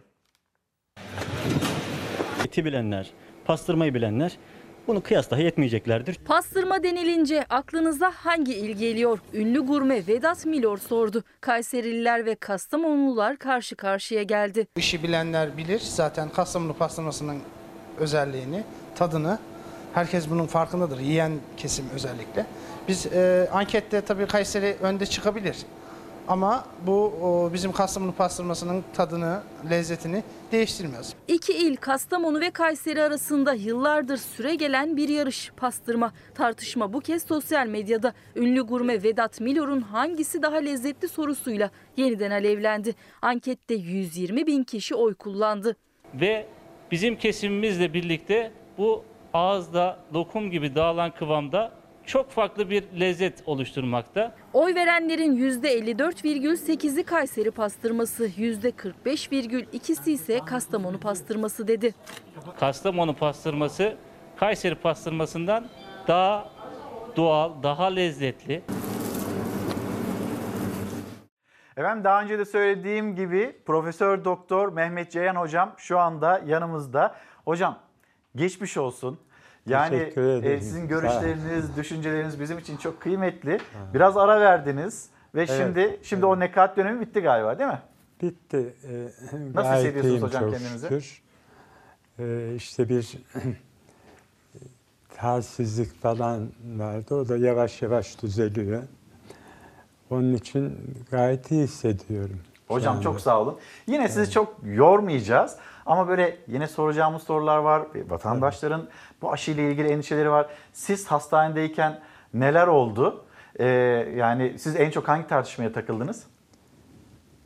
Valla aslında e, iş daha çok e, aşı üzerindeydi. Çünkü vakaların sayıları falan artık e, ikinci planda kaldı. E, ama aslında tabii orada da bazı değişiklikler var. Çok insanlar Türkiye'ye yöneldi ama dünyada da bir artış eğilimi var. E, Dolayısıyla dünyadaki duruma bakarsak açıkçası çok da iç açıcı değil. Ama Türkiye'de rakamlarda be- belli bir miktar azalma olduğu için işte biraz daha iyimser bir durum var. Ee, ama ağırlıklı olarak aşı tabii tartışılıyor. Ee, benim düşüncem biraz daha işte dünyadaki durum ne oluyor, nereye doğru gidiyoruz ee, biraz daha bakmak lazım. Hocam şimdi bir mola verelim. Molanın dönüşünde aşıdaki son durumu konuşacağız. Bir mutasyon dün işte Sağlık Bakanı Fahrettin Evet. Koca bunun açıklamasını yaptı. İngiltere'de başlayan dünyaya yayılan mutasyon ve ülkemize de uğramış e, 15 kişi onlara da geçmiş olsun. Bu mutasyonlu virüs nedeniyle tedavi gördükleriyle ilgili bir bilgi paylaşıldı. Bunu da e, yine konuşmak istiyoruz. Bir mola verelim. Dönüşte buluşalım. Efendim bir kez daha günaydın. Çalar Saat hafta sonu devam ediyor. Sağlık Bakanı Fahrettin Koca'nın yapmış olduğu açıklama mutasyonlu virüs Türkiye'de de rastlandığı 15 vatandaşımız onlar tedavi altına daha hızlı bulaştığı söylenen bir virüs. Bununla ilgili son gelişmeleri aktaralım ve yine aklımızda aşı ile ilgili bazı sorular var. Mehmet Ceyhan hocamız yanımızda. Kendisini de çok fazla yormadan temel başlıklar altında kendi görüşlerini alacağız. Aşı ile ilgili endişeniz varsa lütfen bu programı da kaçırmamanızı istiyoruz ve mutasyonlu virüs ve Türkiye'ye gelişi. Dün itibariyle vefat sayısı 1 milyon 819 bin idi. Böyle bir yıl yaşadık. Zaten vaka sayısının ne kadar daha fazla olduğunu artık hep birlikte hesap edelim. Sağlık Bakanı Fahrettin Koca'nın yaptığı paylaşıma kadar yeni yılın ilk saatlerinde de gündem aynıydı aslında koronavirüste. Akşam saatlerinde her şey bir anda değişti. Bakan Koca İngiltere'de görülmeye başlanan ve dünyaya yayılan mutasyonlu virüsün alınan tüm tedbirlere rağmen Türkiye'ye de giriş yaptığını, İngiltere'den gelen 15 kişide tespit edildiğini duyurdu. Hürriyet gazetesinin haberine göre virüsün tespit edildiği 15 kişiden biri Balıkesir Edremit'te, iki kişinin ise Gaziantep'te karantinada olduğu iddia edildi. İngiltere'de ortaya çıkan mutasyonlu virüs için tedbirler almıştı Türkiye. Son dönemde yurda gelenlerin tamamı geriye dönük tarama altındaydı. Sağlık Bakanı Fahrettin Koca akşam saatlerinde İngiltere'den gelen 15 kişide yeni mutasyonla uyumlu virüs yükünün tespit edildiğini duyurdu. Ülkeyle uçuşlar geçici olarak tamamen durduruldu. vefat sayılarına yansıması belli bir zaman alacak. Çünkü yoğun bakımlarda hala daha tedavisi devam eden hastalar var. Aslında günlük vefat sayılarımız bize hastalığın ciddiyetiyle de ilgili önemli fikir veriyor. Özellikle bizim Ocak, Şubat, Mart aylarını kapsayan dönemde tedbirleri had safhada uyum göstermemiz gerekiyor. Son haftalardaki kısıtlamalarla birlikte vaka, hasta, ağır hasta ve ölüm sayılarında düşüş sürüyor. Yeni yılın ilk tablosunda günlük vaka sayısı yaklaşık 2000 kişi azaldı. 12.203, can kaybı 212. Hasta sayısı 1908 iken ağır hasta sayısı 3891 oldu. Tablo hala endişe verici ve tedbirleri gevşetmek için yeterli seviyede değil. Yeni yılda bir süre daha hayat kısıtlamalarla devam edecek. Artık virüs en fazla evlerde bulaşıyor. Geçtiğimiz hafta ev içi bulaşma oranının %85'e çıktığını açıklamıştı Sağlık Bakanı. Hocam çokça mesaj var. Üzerimde de kalmasın. Hocamıza çok geçmiş olsun diyen izleyicilerimiz Sağ var. Merak ediyorlar aşıyla ilgili gelişmeler. Bunu da takip ediyor izleyicimiz. Ee, genel bir değerlendirme isteyeceğim aslında. Biz 2020 yılını işte bu pandemiyle geçirdik ya da işte o maskelerle Evet. geçirdik. Kurallar var. 2021 yılında hayatımıza aşı giriyor. Peki biz bu aşı hayatımıza girdikten sonra artık kurtulacak mıyız? Aşıyı yaptırdık. %100 korunacak mıyız? Ne, nasıl ilerleyecek bu süreç? Önce buradan başlayalım hocam. Şimdi şöyle bir defa diyelim ki e, planladığımız gibi gitti her şey ve e, istediğimiz sayıda kişiyi aşıladık. Ama tabii bunun bir hızı var yani e, işte aşılayabileceğimiz maksimum sayıda insan var. Türkiye'de bu aşılar işte ana çocuk sağlığı merkezlerinde ağırlıklı yapılacak. Bu merkezler ne kadar insan aşılayabilir diye baktığımızda son derece kolay aslında hesabı. Çünkü e, biz Türkiye'de çocuklukça aşılamaları dahil yaklaşık yılda 40 milyon doz aşı yapıyoruz. Yılda 40 milyon doz. 40 milyon doz. Ama bizim daha hızlı ve daha fazla Tabii şimdi kişiye- düşünürseniz e, bizim işte zaten bahsettiğimiz olay işte e, 50 milyon civarında insanı aşılayalım istiyoruz. Ve bu 50 milyon insanı da e, iki doz aşılayacağız. Yani 100 milyon doz aşılamadan bahsediyoruz. Şimdi böyle baktığımız zaman bizim her şey yolunda gider. istediğimiz hızda aşılarsak bile e, ana çocuk sağlığı merkezlerinin bütün işlerin üstünden alsak ki ana çocuk sağlığı merkezleri e, neredeyse sağlık e, sektörünün temel direği. Bütün işlemler oradan yürüyor. İşte hasta muayeneleri, onun dışında e, işte askerlik muayeneleri, ehliyet muayeneleri her şey dahil. Bunların hepsini bir tarafa bıra- bıraksanız bile biz bu kadar aşılamayı bir yılda ancak bitiririz. Bu sadece bizimle ilgili bir olay da değil. Benim kızım işte New York'ta e, onlar gruplara ayırdılar. İşte e, ikinci grupta çünkü e, genetik laboratuvarında çalışıyor. Yani e, hastanede çalışıyor ama e, direkt koronavirüsle muhatap olmuyor. Onlara da Mart'ın sonuna gün verildi. Yani Amerika Birleşik Devletleri'nde bu kadar planlama yapılmasına rağmen, işte bu kadar hazırlıklı olmalarına rağmen ikinci grupta olan yani daha bunun arkasından üçüncü, dördüncü, beşinci gruplar var. Bir kişiye ancak işte Amerika Birleşik Devletleri de e, Mart'ın sonuna gün verebiliyor. O yüzden hayalci olmamak lazım çok. E, her şeyi düzgün de yapsak bir defa bizim e, aşılamayı tamamlamamız neredeyse yıl sonunu buluyor. E, o yüzden hani biz elimizden geldiğince hızlı davranacağız. E, elimizden geldiğince çok insanı aşılayacağız. Ama nereden bakarsak bakalım bu aşılama işi e, en azından yıl sonuna kadar devam edecek. Daha tabii bu arada işte biz sadece 50 milyon doz Çin'den gelen inaktif aşı işte miktarı tam belli değil. Bir İşte 10 milyon deniyor.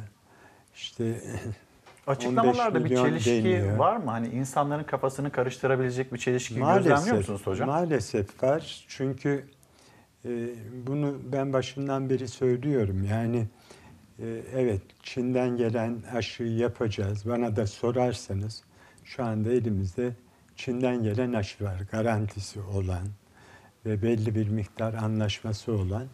Ama e, bir taraftan da şöyle bir durum var. E, bu aşıyı yaparken dedik ki biz işte bu daha güvenilir bir yöntem. Onun için biz inaktif aşıyı tercih ettik. Ama bir taraftan da daha az güvenilir dediğimiz bir aşı için de anlaşmalar yapıyoruz. Bu tabii insanların kafasını biraz karıştırıyor. Şimdi burada tabii insanların kafasının karışması son derece doğal. Burada aşı yaptırmakta tereddütü olan. Çünkü aşı karşıtı diye bir terim kullanılıyor. Bu çok yanlış. Çünkü bu aşı kararsızlığı demek daha doğru. Yani aşıda kararsızlar insanlar. Yaptırayım mı, yaptırmayayım mı diye. Aşı e, e, karşıtları bununla neden olan etkenlerden sadece bir tanesi. Aşı e, karşı e, bir de işte aşı yaptırmayacağım diyen kesinlikle bir grup var. Bu da bunun sonuçlarından bir tanesi. Onun için her aşıyı yaptırmayana da aşı karşıtı işte e, bu aşıya karşı deyip bir damga vurmamak lazım. Çünkü bu insanların büyük bir çoğunluğu hatta yarısından çoğu aşı karşıtı falan değiller. Aşı kararsızı. Aşı kararsızı bunlar çünkü e, bu insanlara baktığınız zaman büyük bir kısmı e, bunlar çocuklarını aşılatan işte hatta birçoğu kendisi de yetişkin aşılarını olan insanlar. Ama bu koronavirüs aşısıyla ilgili kafaları karışık. Şimdi çünkü bir taraftan bu aşı çok işte şey e, güvenilir deyince öbür aşı gü- güvenilir değil anlamı çıkıyor.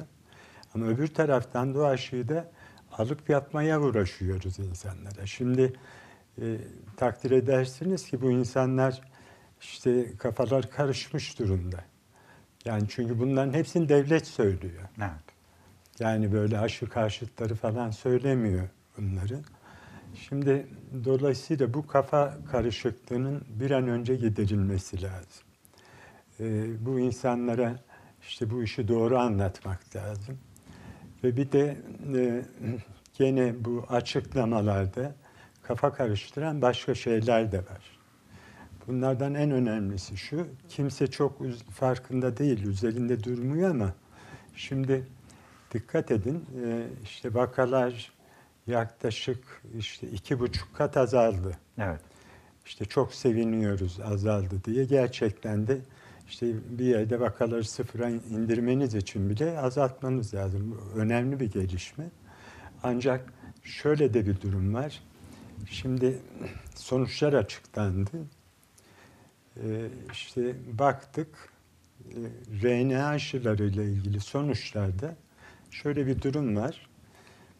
RNA aşıları işte e, aşağı yukarı yapıldığı yerler, işte Amerika Birleşik Devletleri ağırlıklı çalışmanın yapıldığı yerler, işte Brezilya var, Almanya var, Türkiye var hatta. Hı hı.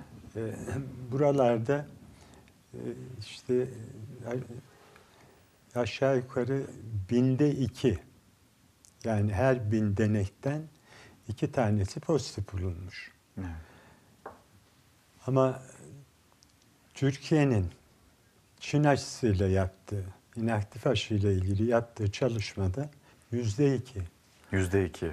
Yani biz çünkü 1322 vaka denekte Arada ciddi fark var hocam. Yani Tabii. binde iki nerede, yüzde iki nerede? Bakın, biz e, her yaptığımız 100 kişiden iki tanesini pozitif bulmuşuz. Hı hı. Halbuki mRNA aşısının yapıldığı, Türkiye'nin de dahil olduğu ama ağırlıklı vakaların e, Amerika Birleşik Devletleri ve Türkiye şeyden e, Almanya'dan oluştuğu grupta e, sadece binde iki. O halde demek ki biz zaten bu çalışmayı yaptığımız sırada Türkiye'de vaka sayısı daha doğrusu pozitiflik oranı 10 kat daha fazla. Biz henüz daha işte ıı, iki buçuk kat azalttık bunu. Demek ki hala dört kat daha fazlayız.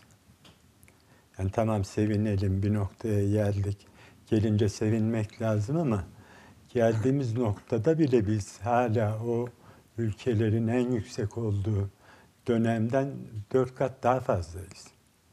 O halde demek ki sevinmekten çok biraz daha gayret edip bu vaka pozitiflik oranlarını düşürmemiz lazım.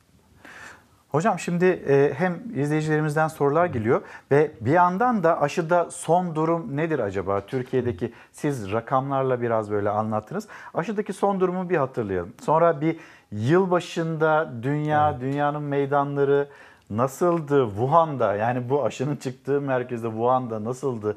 Milyonlar, binlerce kişi yan yana hatta sosyal mesafeyi de böyle ihmal ederek nasıl yan yana geldi? Bu nasıl olabildi? Bununla ilgili birkaç sorumuz daha Tabii. olacak size. Sırasıyla önce aşıda son durum. Koronavirüste mutasyon haberi dünyayı bir kez daha yerinden oynatırken tek umut hala aşı. Dünya Türk bilim insanlarının bulduğu aşıyı konuşurken Türkiye'ye 3 gün önce Çin'den gelen 3 milyon doz aşı da şu anda Ankara'da. Halk Sağlığı Genel Müdürlüğü'nün deposunda bekletiliyor. Aşılardan alınan numunelerse Türkiye İlaç ve Tıbbi Cihaz Kurumu laboratuvarında 14 gün sürecek test aşamasında. Aşıların etkinliğini, güvenilirliğini veya bir toksik etkisi olup olmadığını analizle yorumluyorlar. Bir yandan da faz 3 çalışmalarının ara dönem sonuçları değerlendiriliyor. Testler tamamlandığında ve aşılar onaylandığında bu ayın ortasında ilk aşılama yapılacak. 28 gün arayla 2 doz olarak aşı uygulanacak. 1,5 milyon kişi aşılanacak. Aşı uygulandıktan sonra hemen maskeleri çıkarmayacağız. Toplumdaki bağışıklık oranı %60'ların üstüne çıkıncaya kadar biz tedbirli ve mesafeli yaşamaya devam etmek durumundayız. Toplum bağışıklığının %60'ın üzerine çıkabilmesi için Türkiye'nin elinde henüz yeterince aşı yok. Çin'den gelecek toplam 50 milyon doz aşının 20 milyonunun Aralık ayında gelmesi bekleniyordu ancak gelen 3 milyon doz oldu. Geçtiğimiz günlerde Rusya ile anlaşma yapıldı. Cumhurbaşkanı Erdoğan, Almanya'nın BioNTech aşısı için de TÜBİTAK'ın görüşme halinde olduğunu açıkladı. Bu görüşmeler neticesinde e, takvim belli olacak. Ona göre adımlar atılacak. Ve hedefimiz Çin'den işte 50 milyon, bunun yanında Almanya'dan bir o kadar daha aşı gelme durumu söz konusu. Almanya ile yaptığımız görüşmelerde bir ortak üretim meselesi de söz konusu.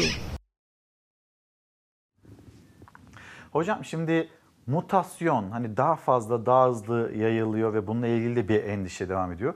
Bir mutasyonu sormak istiyorum hani Türkiye nasıl bir önlem alabilir? Sonra e, aşılamada 14 günlük takvimden vazgeçildi 28 güne çıktı neden diye merak eden izleyicilerimiz var. Bir de biz bu kısıtlamalardan acaba kurtulacağız mı diye evet. soruyorlar. Şimdi bir defa mutasyona çok kötü bir şey gözüyle bakmamak lazım. Çünkü hani mutasyon dediğimiz şey geliştiğinde böyle birdenbire gökten bir keramet iniyor da işte salgın bitiyor değil. Böyle bitiyor. Yani mutasyona uğrayan virüsün iki özellik kazanması lazım aynı anda.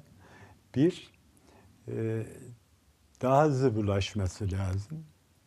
İki, daha zararlı olması lazım. Bunlar bazen biri önce görülür, bazen diğeri. Yani önce zararsız hale gelir mutasyonla, sonra da daha hızlı bulaşmaya başlar. Çünkü tek başına biri geliştiği zaman e, işte ya daha bulaştırıcı, şimdi işte korktuğumuz gibi bir değişiklik ortaya çıkar.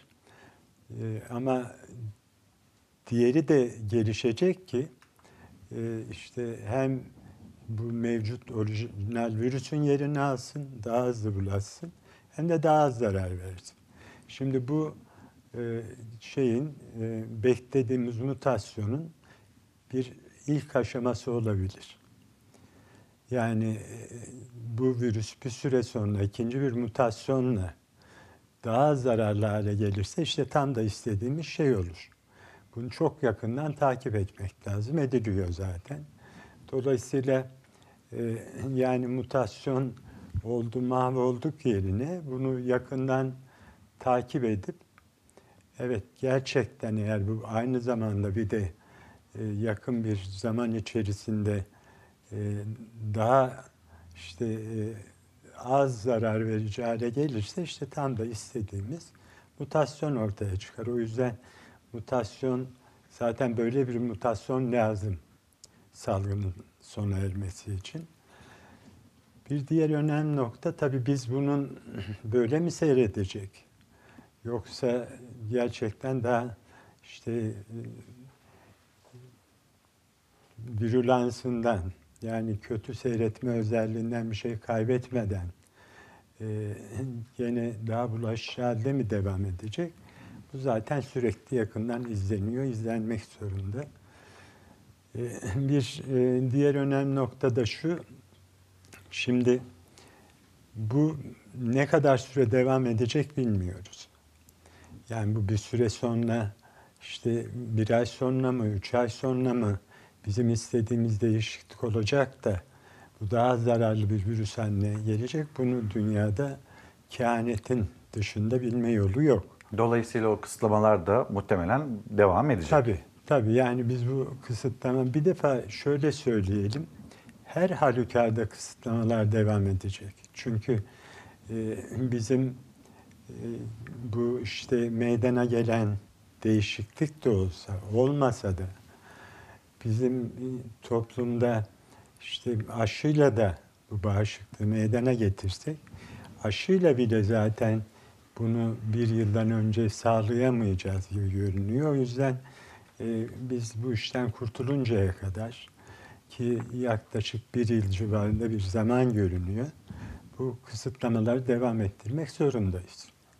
Hocam e, son bir sorum da e, izleyicilerimiz göndermiş alerji seviyesi yüksek olan kişiler için hani bu aşıyı yaptırmak riskli mi değil mi? Evet.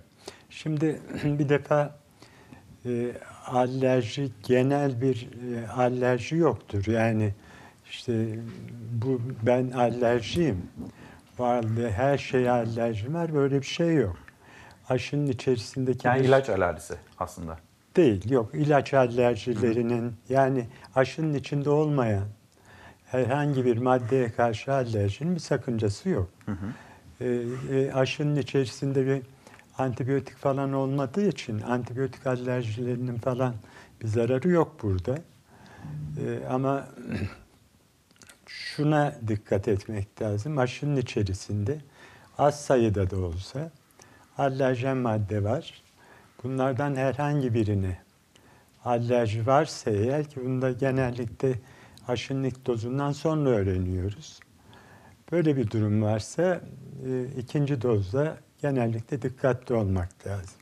Şimdi 14 gün 28 gün meselesine gelince burada iki önemli nokta var. Bir tanesi mümkün olduğu kadar en kısa sürede bağışık hale getirmek. Onun içinde işte mümkün olan en kısa süreler seçilir.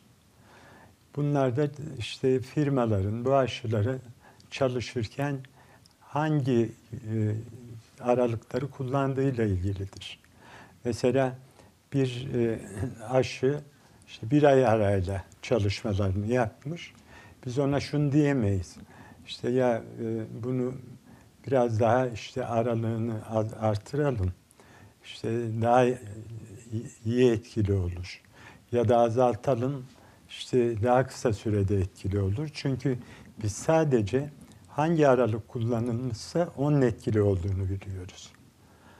Yoksa hani daha kısa ya da daha uzun e, aralıklarla bağış aynı etkiyi gösterecek diye bir garantisi yok bu işin.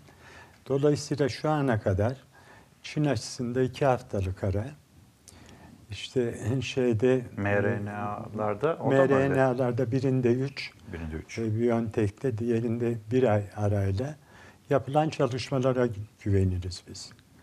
Yoksa onun dışında daha kısa, daha uzun aralıklara güvenmek mümkün değil. Çünkü çalışmalar öyle dizayn edilmiş. Ve elimizdeki veriler de tamamen bu aralıklara göre hesaplanmış. O yüzden yani bunun tartışması bile yok. Bize şu andaki çalışmalar hangi aralıklarla yapılmışsa biz o aralıkları kullanmak ve onlara inanmak zorundayız. Dolayısıyla hani böyle bir e, şey işte uzun yapılsa, Çin'de uzun yapılmış da bizde kısa yapılmış böyle bir şey olmaz. Bu sadece yapılan çalışmalar hangi aralıkta yapılmışsa ona güvenmek durumundayız. Hocam çok teşekkür ederim. Enfeksiyon Rica Hastalıkları ederim. Derneği Başkanı Profesör Doktor Mehmet Ceyhan hocamız yanımızdaydı. Hani doğruyu anlatma çabanız bütün bu e, yıl boyunca 2020 yılı boyunca devam etti. Belki biraz yorgundunuz ama yine de o doğruları anlatmak için e, geldiniz. Yine yanımızda oldunuz. Çok sağ olun. Çok teşekkür ediyorum hocam. Rica ederim. Şimdi İyi yayınlar dilerim. çok sağ olun. Şimdi ben sizi uğurlarken bir de yani Wuhan'dakiler nasıl başardı, nasıl Şimdi- meydanda buluştu? Bunun bir görüntüsünden önce ne dersiniz hocam? Şöyle söyleyeyim, bunların bir kısmı da şey, e, işte ekonomik, turistik amaçlı. Çünkü e, Wuhan şu anda e, Çinliler şunu söylemek istiyor. Şu anda en güvenilir yer Wuhan. İşte vaka sayılarımız çok düşük. İşte tatillerinize buraya gelebilirsiniz. Bu mesajı mı vermek istiyorlar? Tabii ki. Halbuki? Tabii. Halbuki bilemiyoruz. Hmm. İşin içine Çin girince e, aynen işte kullandıkları tedaviler, tanı yöntemleri, işte aşıyla ilgili verileri olduğu gibi hep biraz böyle e, şeyle bakarım ben. E, şüpheyle bakarım ben. Çünkü Çinliler bu gibi şeylerden işte e, hep bir kar elde etmeye çalışır. Normalde karşılanabilir. Yani şu anda gerçekten vaka sayılarını son derece azalttılar. Ama e, nasıl azalttılar onu sormak lazım. Türkiye'ye örnek teşkil edebilecek bir şey değil. Çünkü Wuhan'da son derece antidemokratik. Yani insanları izolasyon için içeriye kilitleyecek kadar antidemokratik yöntemler kullandılar. Bunu Türkiye'de ya da herhangi bir demokratik ülkede uygulamak mümkün değil. Yani siz gidip e, evinden çıkmasını istediğiniz insanların kapısını dışarıdan kilitleyemezsiniz Türkiye'de. Ama işte bu sayede vaka sayısını oldukça azalttılar. E, şimdi onun reklamını yapıyorlar yani. Burası güvenilir, buraya gelin diyorlar. Hocam öğütleriniz için çok teşekkür ederim. Rica ederim. Bir kez daha geçmiş olsun. Sağ Çokça olun. mesaj var size geçmiş olsun diyen. Teşekkür Üzerimde ederim. kalmasın. Sağ O mesajları da iletmiş olayım. olun. Sağ olunuz. Ben sizi birazdan uğurlayacağım ama orada bir gidelim bakalım Wuhan yeni yıla nasıl girdi? two, one, happy Her yıl görkemli kutlamalara sahne olan meydanlar boş kaldı. Dünya yeni yılı Covid-19 gölgesinde karşıladı. Virüsün kaynağı olarak gösterilen Wuhan'da on binler bir araya geldi. 2021'e gökyüzüne balon bırakarak merhaba dedi. Artan vaka ve can kayıpları nedeniyle birçok ülke yeni yıl öncesi önlem almak zorunda kaldı. New York'tan Paris'e, Roma'dan Moskova'ya kutlamalar yasaklandı. Her yılbaşı milyonlarca kişinin bir araya geldiği meydanlar gündüz saatlerinde barikatlarla çevrildi. Alanlar polislere kaldı. Hayalet şehirlere dönen başkentler yeni yılı havai fişek ve ışık gösterileriyle karşıladı. Amerika Birleşik Devletleri'nde her yıl yüz binlerce kişinin doldurduğu New York Times meydanındaki kutlamalar bu yıl sanal ortamda yapıldı. Meydana polisler dışında virüsle ön saflarda mücadele eden yaklaşık 40 sağlık çalışanı ve yakınları alındı. Covid-19'un çıkış noktası Çin'in Wuhan kentindense kızdıran görüntüler geldi. On binlerce kişi kentin farklı noktalarında meydanları doldurdu. Çoğunluk maske taksa da sosyal mesafe kuralları hiçe sayıldı. Sadece Wuhan'da değil, bugüne kadar vaka açıklamayan Kuzey Kore ve son dönemde vaka görülmeyen Yeni Zelanda'da insanlar sokaktaydı. Havai fişekler eşliğinde yeni yıl coşkusunu yaşadılar. Onlar hallerinden memnundu ama dünya genelinde çok sayıda kişi salgın nedeniyle eve kapandığı için mutsuzdu. Bu mutsuzluklarını da sosyal medya üzerinden tepki göstererek dile getirdiler.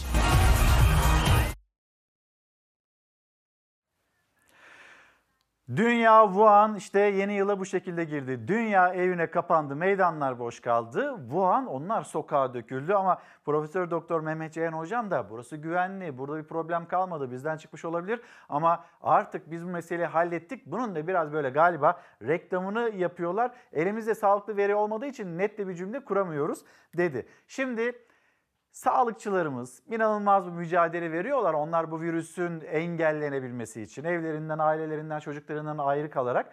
Ama tüm bunlara rağmen yeni yılda hatta genelgesi de vardı. Yeni yılda hani yan yana gelinmesin, toplu olunmasın, ev içi bulaş seviyesi çok yüksekte denilirken neler neler oldu, dansözlü kutlamalar da yapıldı. Bununla ilgili görüntüler, eleştiriler.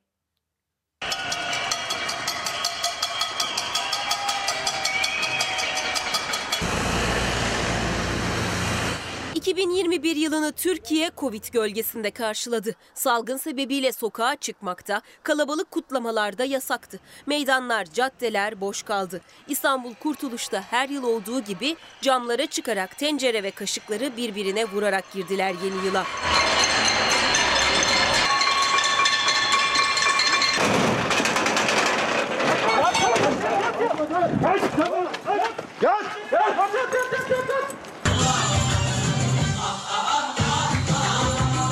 Ama yasakları, kısıtlamaları hiçe sayanlar da vardı. Silivri'de, villada, Bursa'da da rezidans dairesinde yılbaşı partisi güvenlik güçlerinin baskınıyla son buldu. Dansöz bile oynattılar evde. İstanbul'un Silivri ilçesinde kırsal kesimde bulunan bir villa kısa süre önce kiralandı. Durumdan şüphelenen jandarma yılbaşı gecesi villayı takibe aldı.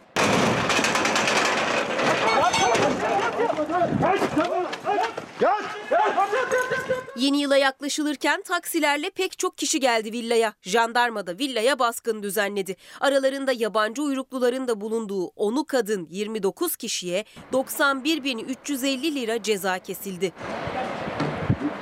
Burası da Bursa. Nilüfer semtinde dansözlü fasıllı eğlence vardı. Rezidans dairesinde yılbaşı partisine katılanlar o anları sosyal medyada paylaşmakta da sakınca görmedi. Pandemi yasaklarını ihlal eden 11 kişi toplam 34.650 lira cezaya çarptırıldı. Yine Bursa'da sokağa çıkma kısıtlaması sırasında 4 kişi ruhsatsız tabancalarla mahallede gezintiye çıktı. Fark edilince otomobille kaçmaya çalıştılar. Al hadi hepsini. Çıkar evinden. Gördüğümü alacağım kardeş. Seni gördüm seni aldım. Ne konuşuyorsun? Bak sıkanları, almıyorlar. Bizim müşteri olur. Sıkanları aldık abi. Bunlar da sıkıyordu. Bak, Şüphelileri bekçiler yakaladı. Polisler de gözaltına aldı. Atmadılar bile atmadılar. Abi silah taşımak Türkiye Cumhuriyeti'nde suç. Sokak ortasında elinde silahla aldım ben bu adamı. Mersin'in Tarsus ilçesinde de kumar partisine baskın düzenlendi. Binanın kapısı açılmayınca jandarma kilitli demir kapıları açabilmek için iş makinesi talep etti.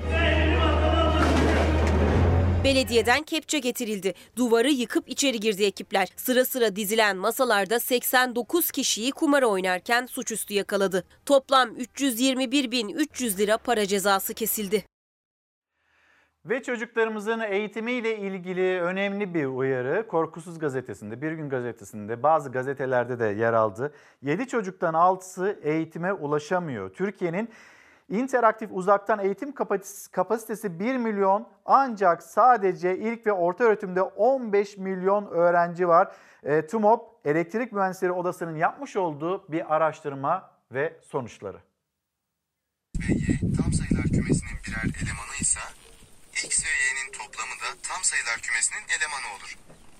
Bu özelliği toplama işleminin kapalılık özelliği. Orada bir köy var uzakta. Dediğimiz köylerde, kırsalda, hatta bazen şehrin göbeğinde pandemiyle gün yüzüne çıktı eğitime ulaşım şartları. Türkiye'de binlerce öğrenci. Elektrik Mühendisleri Odası'nın raporuna göre ise her 7 çocuktan 6'sı eğitime ulaşamıyor. Ahır damının üstünde ders çalışıyoruz. Bir dilim çekiyor o da bağlanamıyoruz. İlk ve orta öğretimde 15 milyonu aşkın öğrenciye rağmen EBA'nın kapasitesi 1 milyon. 2023'e kadar 5 milyona çıkarılması hedefleniyor. Öğrencilerin maksimum %48.5'inde internet var. Çocukların 3-4 saat ekran önünde oturmasının yeterli olduğu düşünülse bile ancak 7-8 çocukta bir çocuk şanslı anlamına geliyor. Köyümüzde kar yağdığı dinden beri yağan kar bu şekilde. Öğrenciler de içeride ders dinliyorlar. İnternete ulaşabilen kardeş sayısı nedeniyle tablet, bilgisayar ya da telefon bulmakta zorlanıyor. Bulabilen internete ulaşabilmek için dağ tepe tırmanmak zorunda kalıyor. Teknik verileri inceleyen Elektrik Mühendisleri Odası Türkiye'de internet altyapısının gerek kapasite gerekse hız açısından yetersiz olduğunu, çocukların büyük bölümünün de internet hizmetine ulaşamadığını ortaya koydu. Biz buralarda şebeke arıyoruz ama bulamıyoruz. Hafize Hanım, Hafize Cebeci, günaydınlar. Aramıza hoş geldiniz gündem takibine. Sinan Sözmen, e, Nabi Kamışlı selamlarımızı iletelim. Erdal Akgül, e, biz size teşekkür ederiz. Yeni yılda da sizinle birlikteyiz diyen izleyicilerimizden. Sivas Şarkışla Yahyalı Köyü'ne selamlarımızı iletelim. Ne olacak bu ekonomi meselesi diyen çok sayıda izleyicimiz var. Emekliler kendi problemlerini anlatıyor. Nilgün Hanım, Nilgün Pekin teşekkürler sağ olun. Mehmet Ceyhan Hocam hani o yorgun haliyle bile bizi bilgilendirmek için büyük bir gayret çaba içinde kendisini çok seviyoruz demiş ve bu mesajı paylaşıyor bizimle. Acaba bu aşı ile ilgili ne olacak? Kafa karışıklığınız var mı yok mu? Yani aşı karşıtlığı değil de bir aşı kararsızlığı var yönünde bir değerlendirme yapmanın çok daha doğru olacağını söyledi Mehmet Ceyhan hocamız ve hani bu sene başlığımız ve bu sene de aslında Türkiye'nin aşı yapabilme kabiliyeti, kapasitesi 40 milyon doz yılda. Ama biz nüfusun %60'ını, %70'ini aşılamak durumundayız. Öyle olunca 2021 yılda yine maskeli, mesafeli ve hijyen kurallarıyla geçecek. Aşıyı olsak bile yine tedbirli davranmak durumunda olduğumuz bir sene olacak. Şimdi efendim bir mola vereceğiz. Son cümlelerimiz için geri döneceğiz. Efendim bir kez daha günaydın. Çalar Saat hafta sonuna nokta koyma vakti geldi. Bugün için yarın saatler 8.30'u gösterdiğinde bizler yine karşınızda olacağız. Türkiye'nin, dünyanın sizin ve bizim gündemimizle kapatırken her zamanki gibi teşekkürümüz sizlere. Bizi izlediğiniz için çok teşekkür ederiz. Bir kez daha güzel bir yıl olsun. 2021 yılından ilk yaprak koptu bile 2 Ocak 2021 tarihinde sizlere günaydın derken bizden sonra Mehmet Özer'le Mutfakta programı olacak. Ve o programda da sürpriz bir konuk. Hatırlatmasını yapayım. Hoşçakalın, sağlıklı bir gün dileyim sizlere.